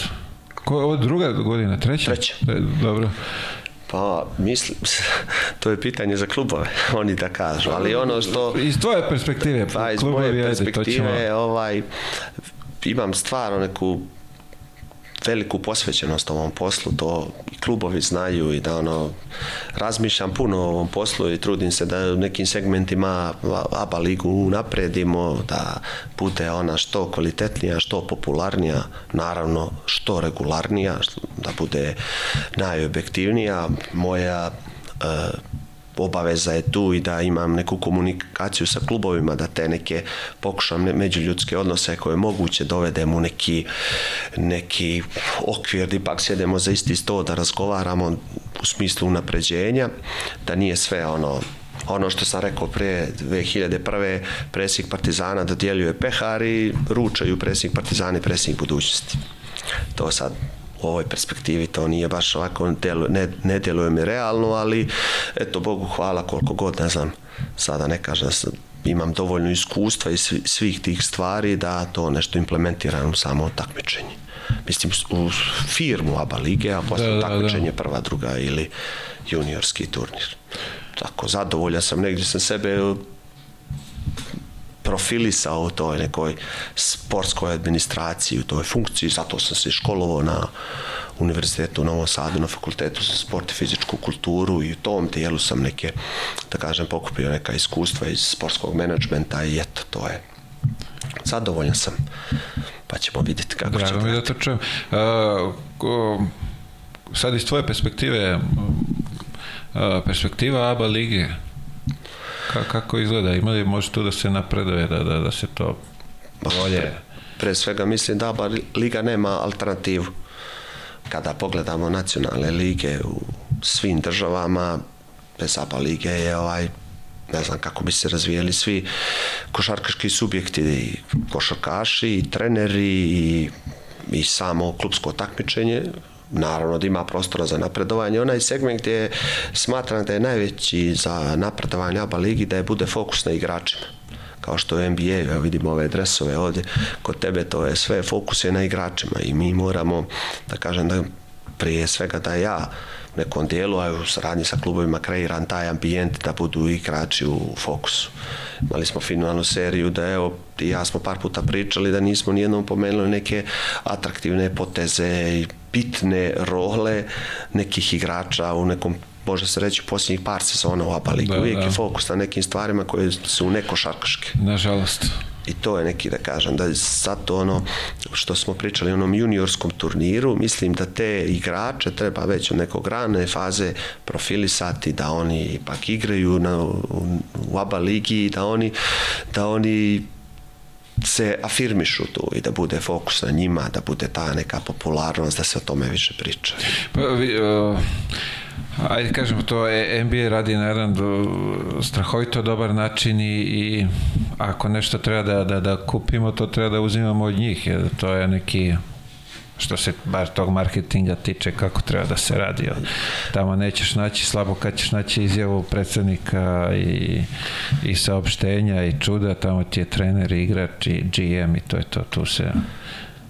Ma da, u nekom smislu unapređenja lige, ono, koliko god ja imao iskustva, ne smatram da sam najpametniji, pa onda i komuniciram sa ljudima iz FIBE, sa ljudima iz Eurolige, sa uh, ligama najboljim i najorganizovanim francuskom ili, ili španskom, da vidim da pre, primenim neka njihova iskustva u samo takmičenje, dobro, malo to da budem iskren, ide malo teže kod nas, ide malo teže u ABA ligi, ali imamo mi neke okvire, neke temelje koji su čak i bolje od tih evropskih takmičenja. Imamo neke e, pravilnike koje su oni uzimali od nas da kopiraju. To je neki proizvod rada i pravilnike za sudijski sektor i pravilnike za putovanja i pravilnike putovanja ekipa i putovanja mm -hmm. sudija, pravilnike za izbor MVP-a i evo sad smo imali ovu situaciju, sjećamo skoro nešto za MVP meseca Vildoza, Mislim, sve tamo je definisano pravilnicima i ti naši mhm. pravilnici su baš onako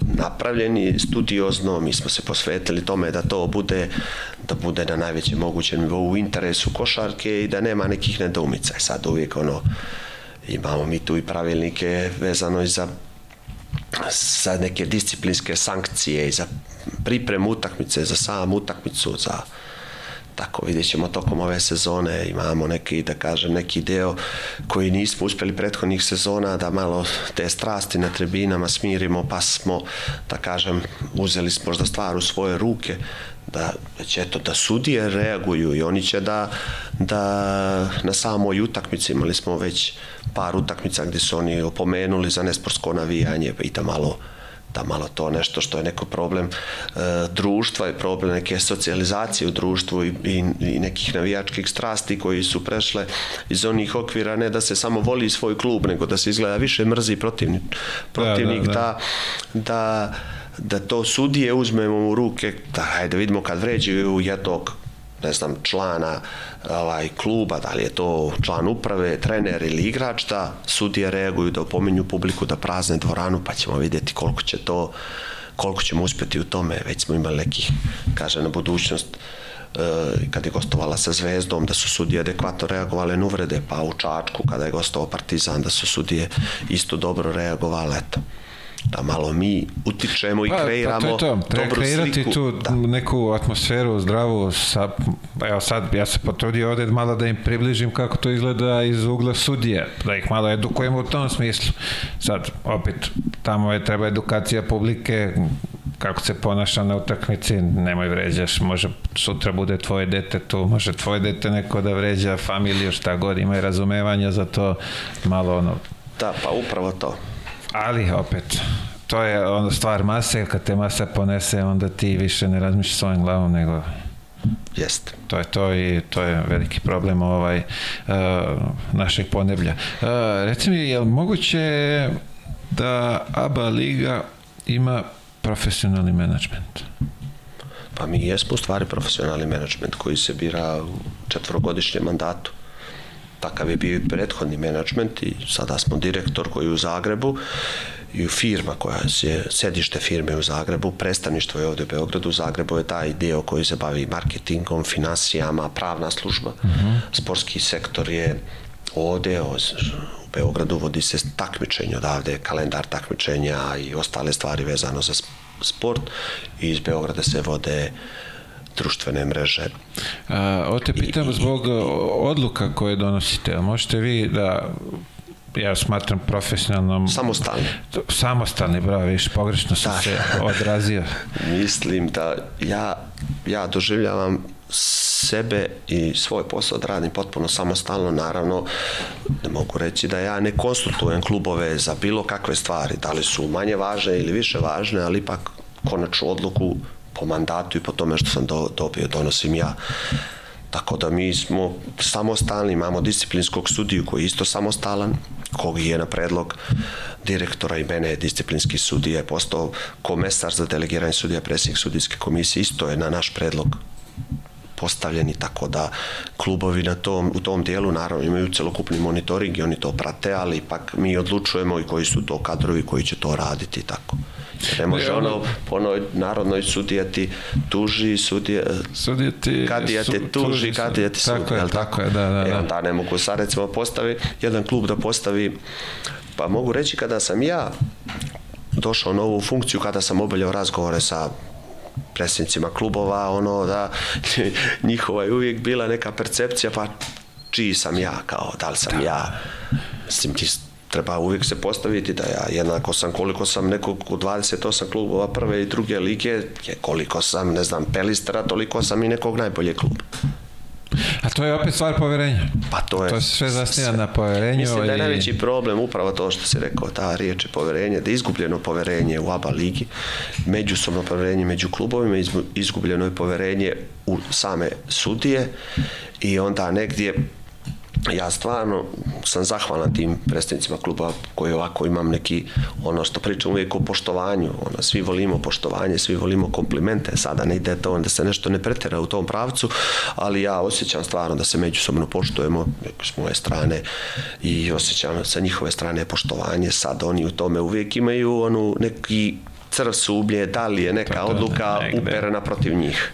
Negde to da li je tamo. neka sudijska odluka uperena protiv njih, tako da jednostavno nekad i oni se u svemu tome pokupe, nekad dođu pa nezadovoljni su najiskusnijim sudijama, pa traže najmlađe, pa onda kad se pojave mladi, onda oni misle da su ovi već mladi, tako da uvijek to ima nešto, kako bi se reklo, kakvi su ti misli, takav ti je život. Da, da, da, da, istina. Jednostavno. Istina, ti si tu, što bi se reklo, kao neki mirotvorac, mora to hendluješ da, sve, da, pa, da, da svi budu zadovoljni. Savest da... mi je čista, savest mi je čista, prilazim tome sa nekim izuzetnim zadovoljstvom, kažem, ovo je stvarno privilegija biti sportski direktor ABA lige, jedan od naj poziciji funkcionera u da, da. košarkaškom regionu koja je stvarno poštovana i onda smatrajući to kao samu privilegiju, to mi je obaveza da ja kreiram neke dobre, dobre odnose i mora da se bude u onom dijelu. To mi je pomogla ta sudijska profesija, ta objektivnost, da nema stajanja ni na jednu, ni na ni na drugu stranu. Možda sam nešto tokom emisije, dugo smo pričali, pa sam možda u nekom kontekstu jedan, drugi ili peti klub pomenuo ovako ili onako, ali to bi da bi bila neka možda priča autentičnija, ali ne u ni u jednom smislu da mi neki klub ovaj bliži ili da mi je neki klub dalji. Kad sam sudio uh, početcima Zvezda i Partizan, jedan pokojni kolega mi je rekao, kaže, uvijek imaju u vidu kao partizan se voli i zvezda se čuva, ostalima šta zapane. Ali to, to u ovom mom poslu ne može da bude tako da jednostavno mora da se stvori ambijent da i Mega pobedi partizan u pioniru i Zadar da pobedi e, zvezdu u pioniru i da SC Derbi pobedi budućnost i da jednostavno to je takmičenje taj dan ko je bolji, ko je inspirativniji, ko je odigra bolju košarku da Da. I to su neki, da kažem, ako nije lako doći posle nekog vremena do nekih rezultata, mislim, ne sad se rezultati, ali to kad se desi pokazuje da su to neki pozitivni koraci. Mislim da su to i klubovi svjesni, da je javnost svjesna, ali javnost je dalje ono nije ih lako naravno, proces je, to je proces ovaj, traje to. Uh, ovo mi nešto, ja mislim onako veoma bitno uh, da, da, da spomeneš ili da, i tvoj ugla iz tvog ugla da, da čujem. Uh, koliko je i zapravo koliko je bitno i koliko sudija pedagoški treba da se ovaj obraća tim nekim mladim igračima koji ulaze u ligu, koji dobijaju prve minute da ih, ajde da kažem, ne, ne, ne sasecaju s nekim faulovima, da, da ne prave neki autoritet na tim momcima, jer ti momci treba budu budućnost.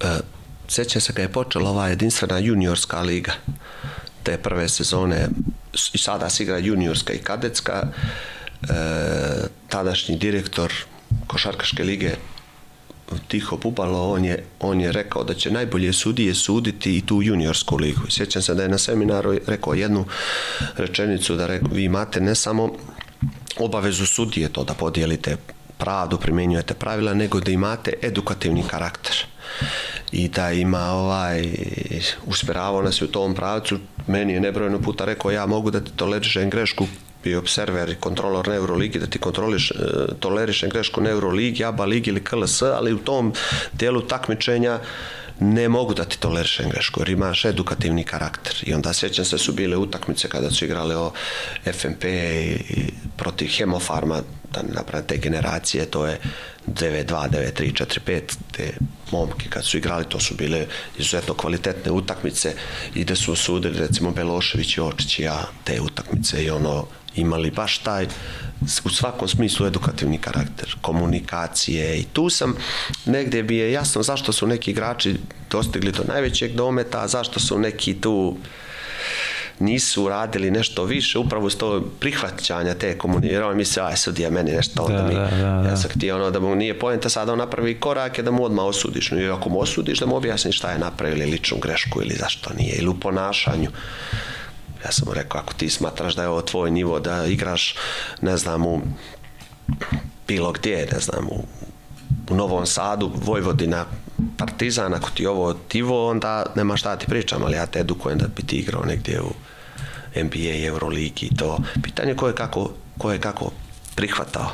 Ja se sjećam onih, vraćam se ono te 2001. te 14-godišnjaci, ja sam tada, mislim, ja sam bio, nisam mogao baš da prepoznam, ali tada, se, ja se sjećam tih dana da Miloš Teodosić i, i, i Milenko Topić su tada pokazivali kao dječaci 14 godina da, da, Tepić, Tepić, da. Tepić, Tepić, Tepić, da, pred, baš smo se videli pre par dana. Ovaj, tada su pokazivali visok intelektualni nivo, da oni nešto pitaju, njih nešto interesuje. Mi putovali do Hrvatske autobusima, da nema oni nešto, pitaju neke stvari. E, to je, isto to čini jednu celokupnu sliku nekog igrača. Pa, eh, ono, moje, moje neko mišljenje da malo to treba da, da što kažeš to, eto, nisam znao da ste imali to, da, da, da treba, treba im se prići na neku, sa neke strane da im se objasni, što kažeš, i, i kad su pogrešili, pa ne sviraš, pa mu kažeš, ej, sad nisam svirao, sledeći put obrati pažnju na to, da, da nekako da, da ta i, i komunikacija između igrača i sudija bude lepša, za videti na utakmici. Pa te oni otiće preko pa da ne bude divljak tamo kad se pojavi ili Prav, kako god.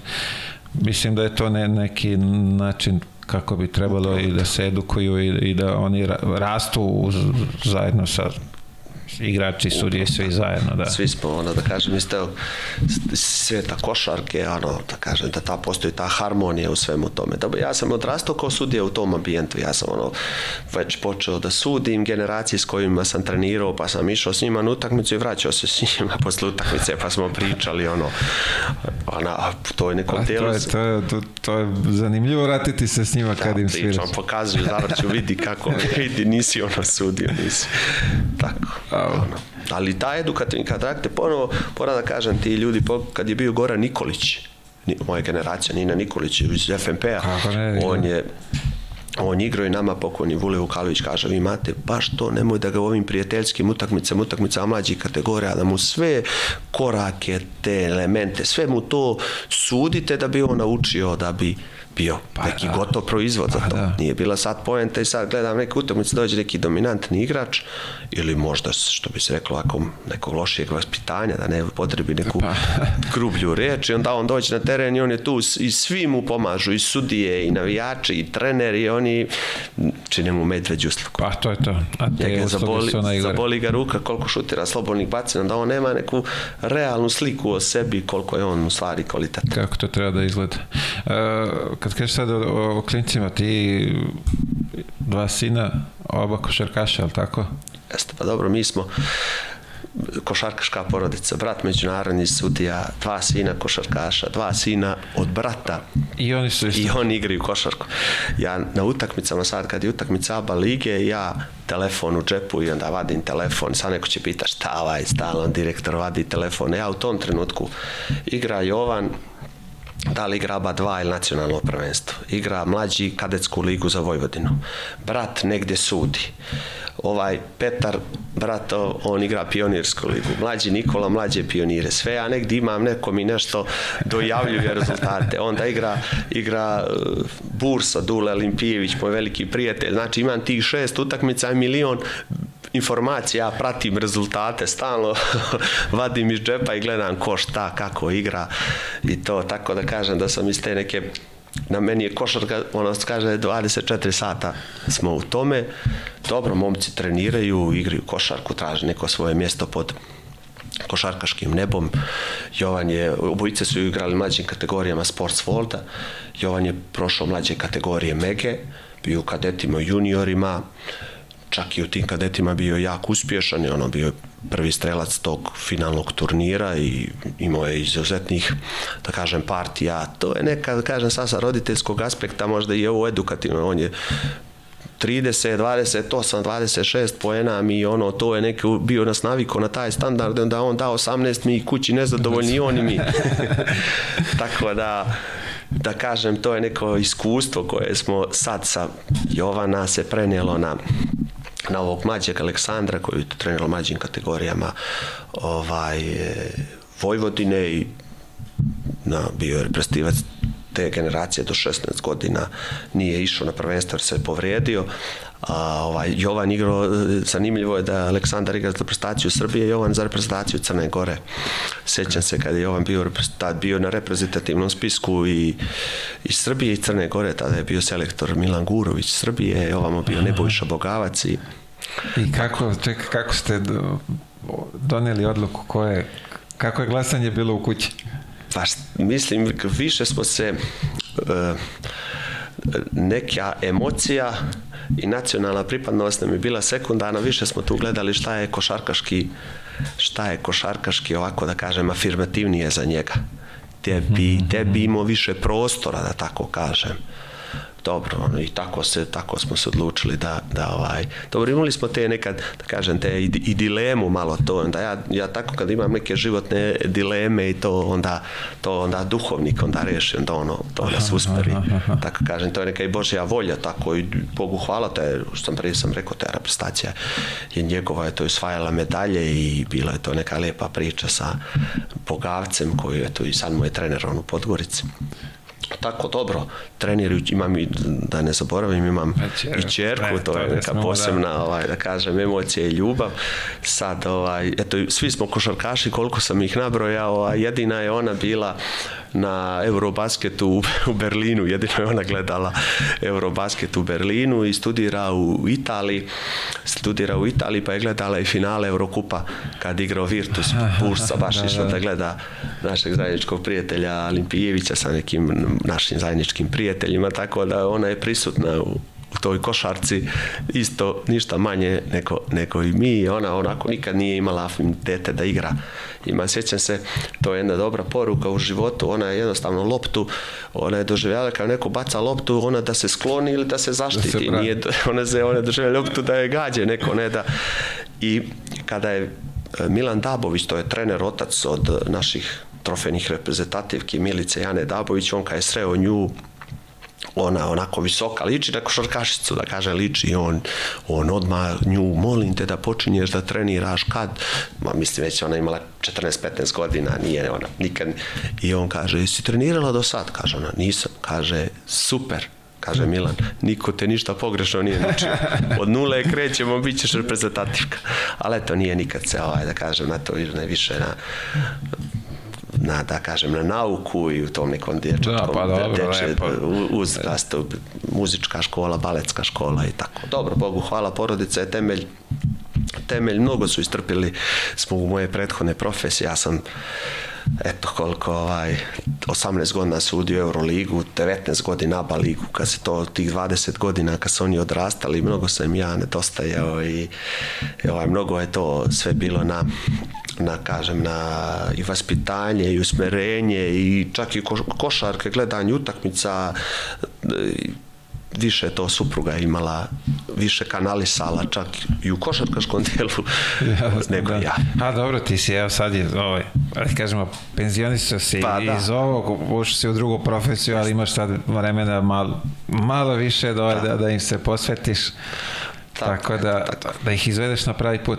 Pa upravo tako, dobro. Bili su uvijek naravno mojim mislima i molitvama i mislim da je to bilo značajnije nego u prisustvu svega toga. Pa dobro, mi želimo, evo ja iskreno lepe te košarkaške karijere, sad do njih je, ja uvijek kažem ovdje do, do njih je koliko budu radili. Upravo to tako će im se i vratiti, tako da ovaj, do njih je da rade. Mi ovde pričamo neke zanimljive priče koje mogu da se primene u, u u svačijem životu, ja kažem i u biznisu i u sportu i u porodici ima svašta da se čuje zanimljivo sad do njih je da li, da li žele da, da iskoriste. E, za kraj me zanima da daš savet e, aj kažemo mladim kolegama, studijama koje, koje dolaze.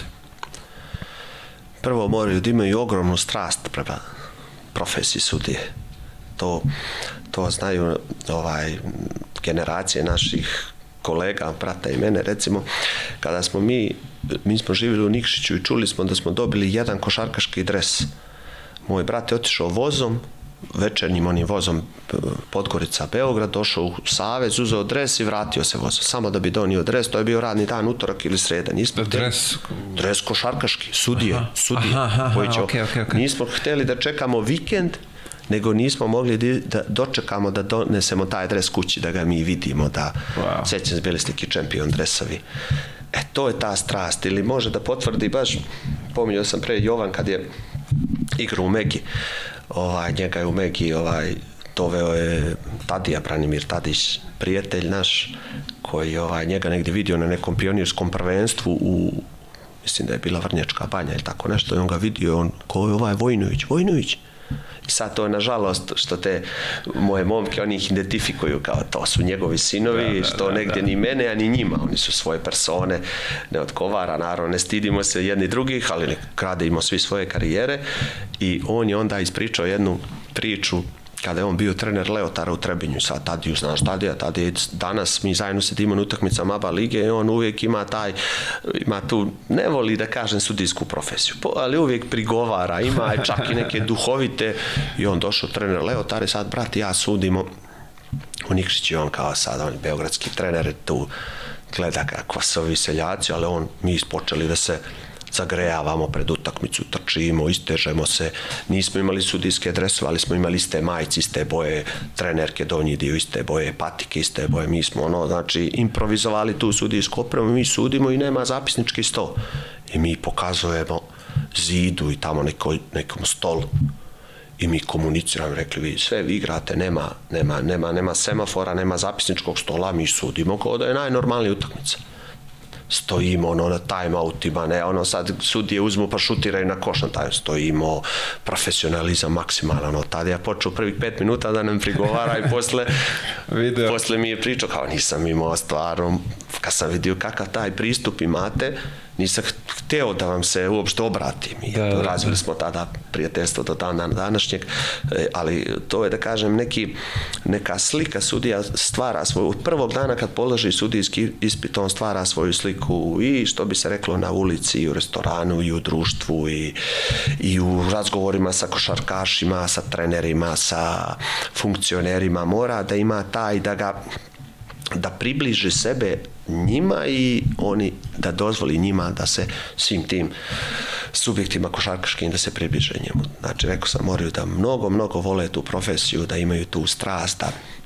meni je nezanimljivo, recimo, bio ovaj turnir balon u ABA, uh, ABA 2 u Banja Luci, sad uh, tad igrala neka utakmica i Gokeja i sudio Ilija Belošević. I mi u Banja Luci sedimo, on i ja u nekom kafiću i dolaze dvojice sudija iz ABA 2 sad oni prolaze, ja kažem, ovo treba moći, kao što poznajete se s Ilijom Beloševićem, o, mislim, to što su Ronaldo i Messi u, u futbalu, to je Ilija Belošević u svetskom i evropskom suđenju. Znači, to je najveći nivo, to je vrh piramide, ono sudija najvećeg nivoa i najvećeg dostignuća koji je postigao i što neće niko postići da ja pretpostavljam, daj Bože. I sad ja njima, kao kaže, sad njima govori jedan direktor takmičenja, izvolite, sjedite s nama i govorim najbolji sudija na planeti, kao sjedite s nama, oni kao ne, ne, kao, kao što, oni, ja verujem, oni su pitali ko je on. Ko je ovaj, moraju da znaju, moraju da vole tu profesiju. Sad kad bih otišao baš u širinu spričao kako smo brati ja, mi, ja i dan danas znam koje sudije sude finale rukometnog Lige šampiona, znam futbalske sudije, ove sad sude e, svetsko prvenstvo u Kataru, znam, znači finala Lige šampiona, mi počnemo da licitiramo od nove godine koji je sudije najbliži finalu Lige. Mora da se ta profesija voli i prati. Sad kad su naše odbojkašice bile prvakinje ovaj sveta isto smo znači ono znao sam koje sudije sude tu utakmicu wow. i polufinale i final mora to da se prati to je neka nije to baš Dobro da ali ti ideš u sve sportove pa to, to, je malo... ista profesija i on isto pa da ali viš sad ja mogu ti nabrojim i odbojkašice i vaterpoliste i futbalera i za sudiju ne bi znao nikad. Ali pa to, je to. to je naša profesija, ali da. to, je, to su stvari koje malo, svega pomalo čine, da kažem, Tako jednu je. celokupnu ličnost sudije. I on kad iz te strasti, iz emocije uđe u tu profesiju, onda je onda je to onda, da kažem... To je ta prava priča. To je ta prava priča.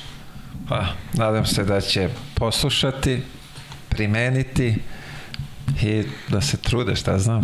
Ono što... Nešto smo svašta ovaj, ispričali, ne znam sad, nadam se da će i, i publici ovaj, to pomoći malo bolje sad da razumeju te neke sudijske odluke, kako to izgleda. Mislim, potrudili smo se sad do vas je, što bi se reklo, mi smo rekli sad, ja što bi rekao ovde, to sam skoro ponavljao, Kari Pešić kad je bio, ja im pričam, ali ne znam da li me čuju. tako da... Ja kažem, vi ste uvek tako, ajde, ti si mi, da kažem, rekao da u, u tom delu pričamo edukacije, ne znam, ja sam ono rekao što se kaže, što im koristi, nek prihvate, što im ne koristi, nek odbace.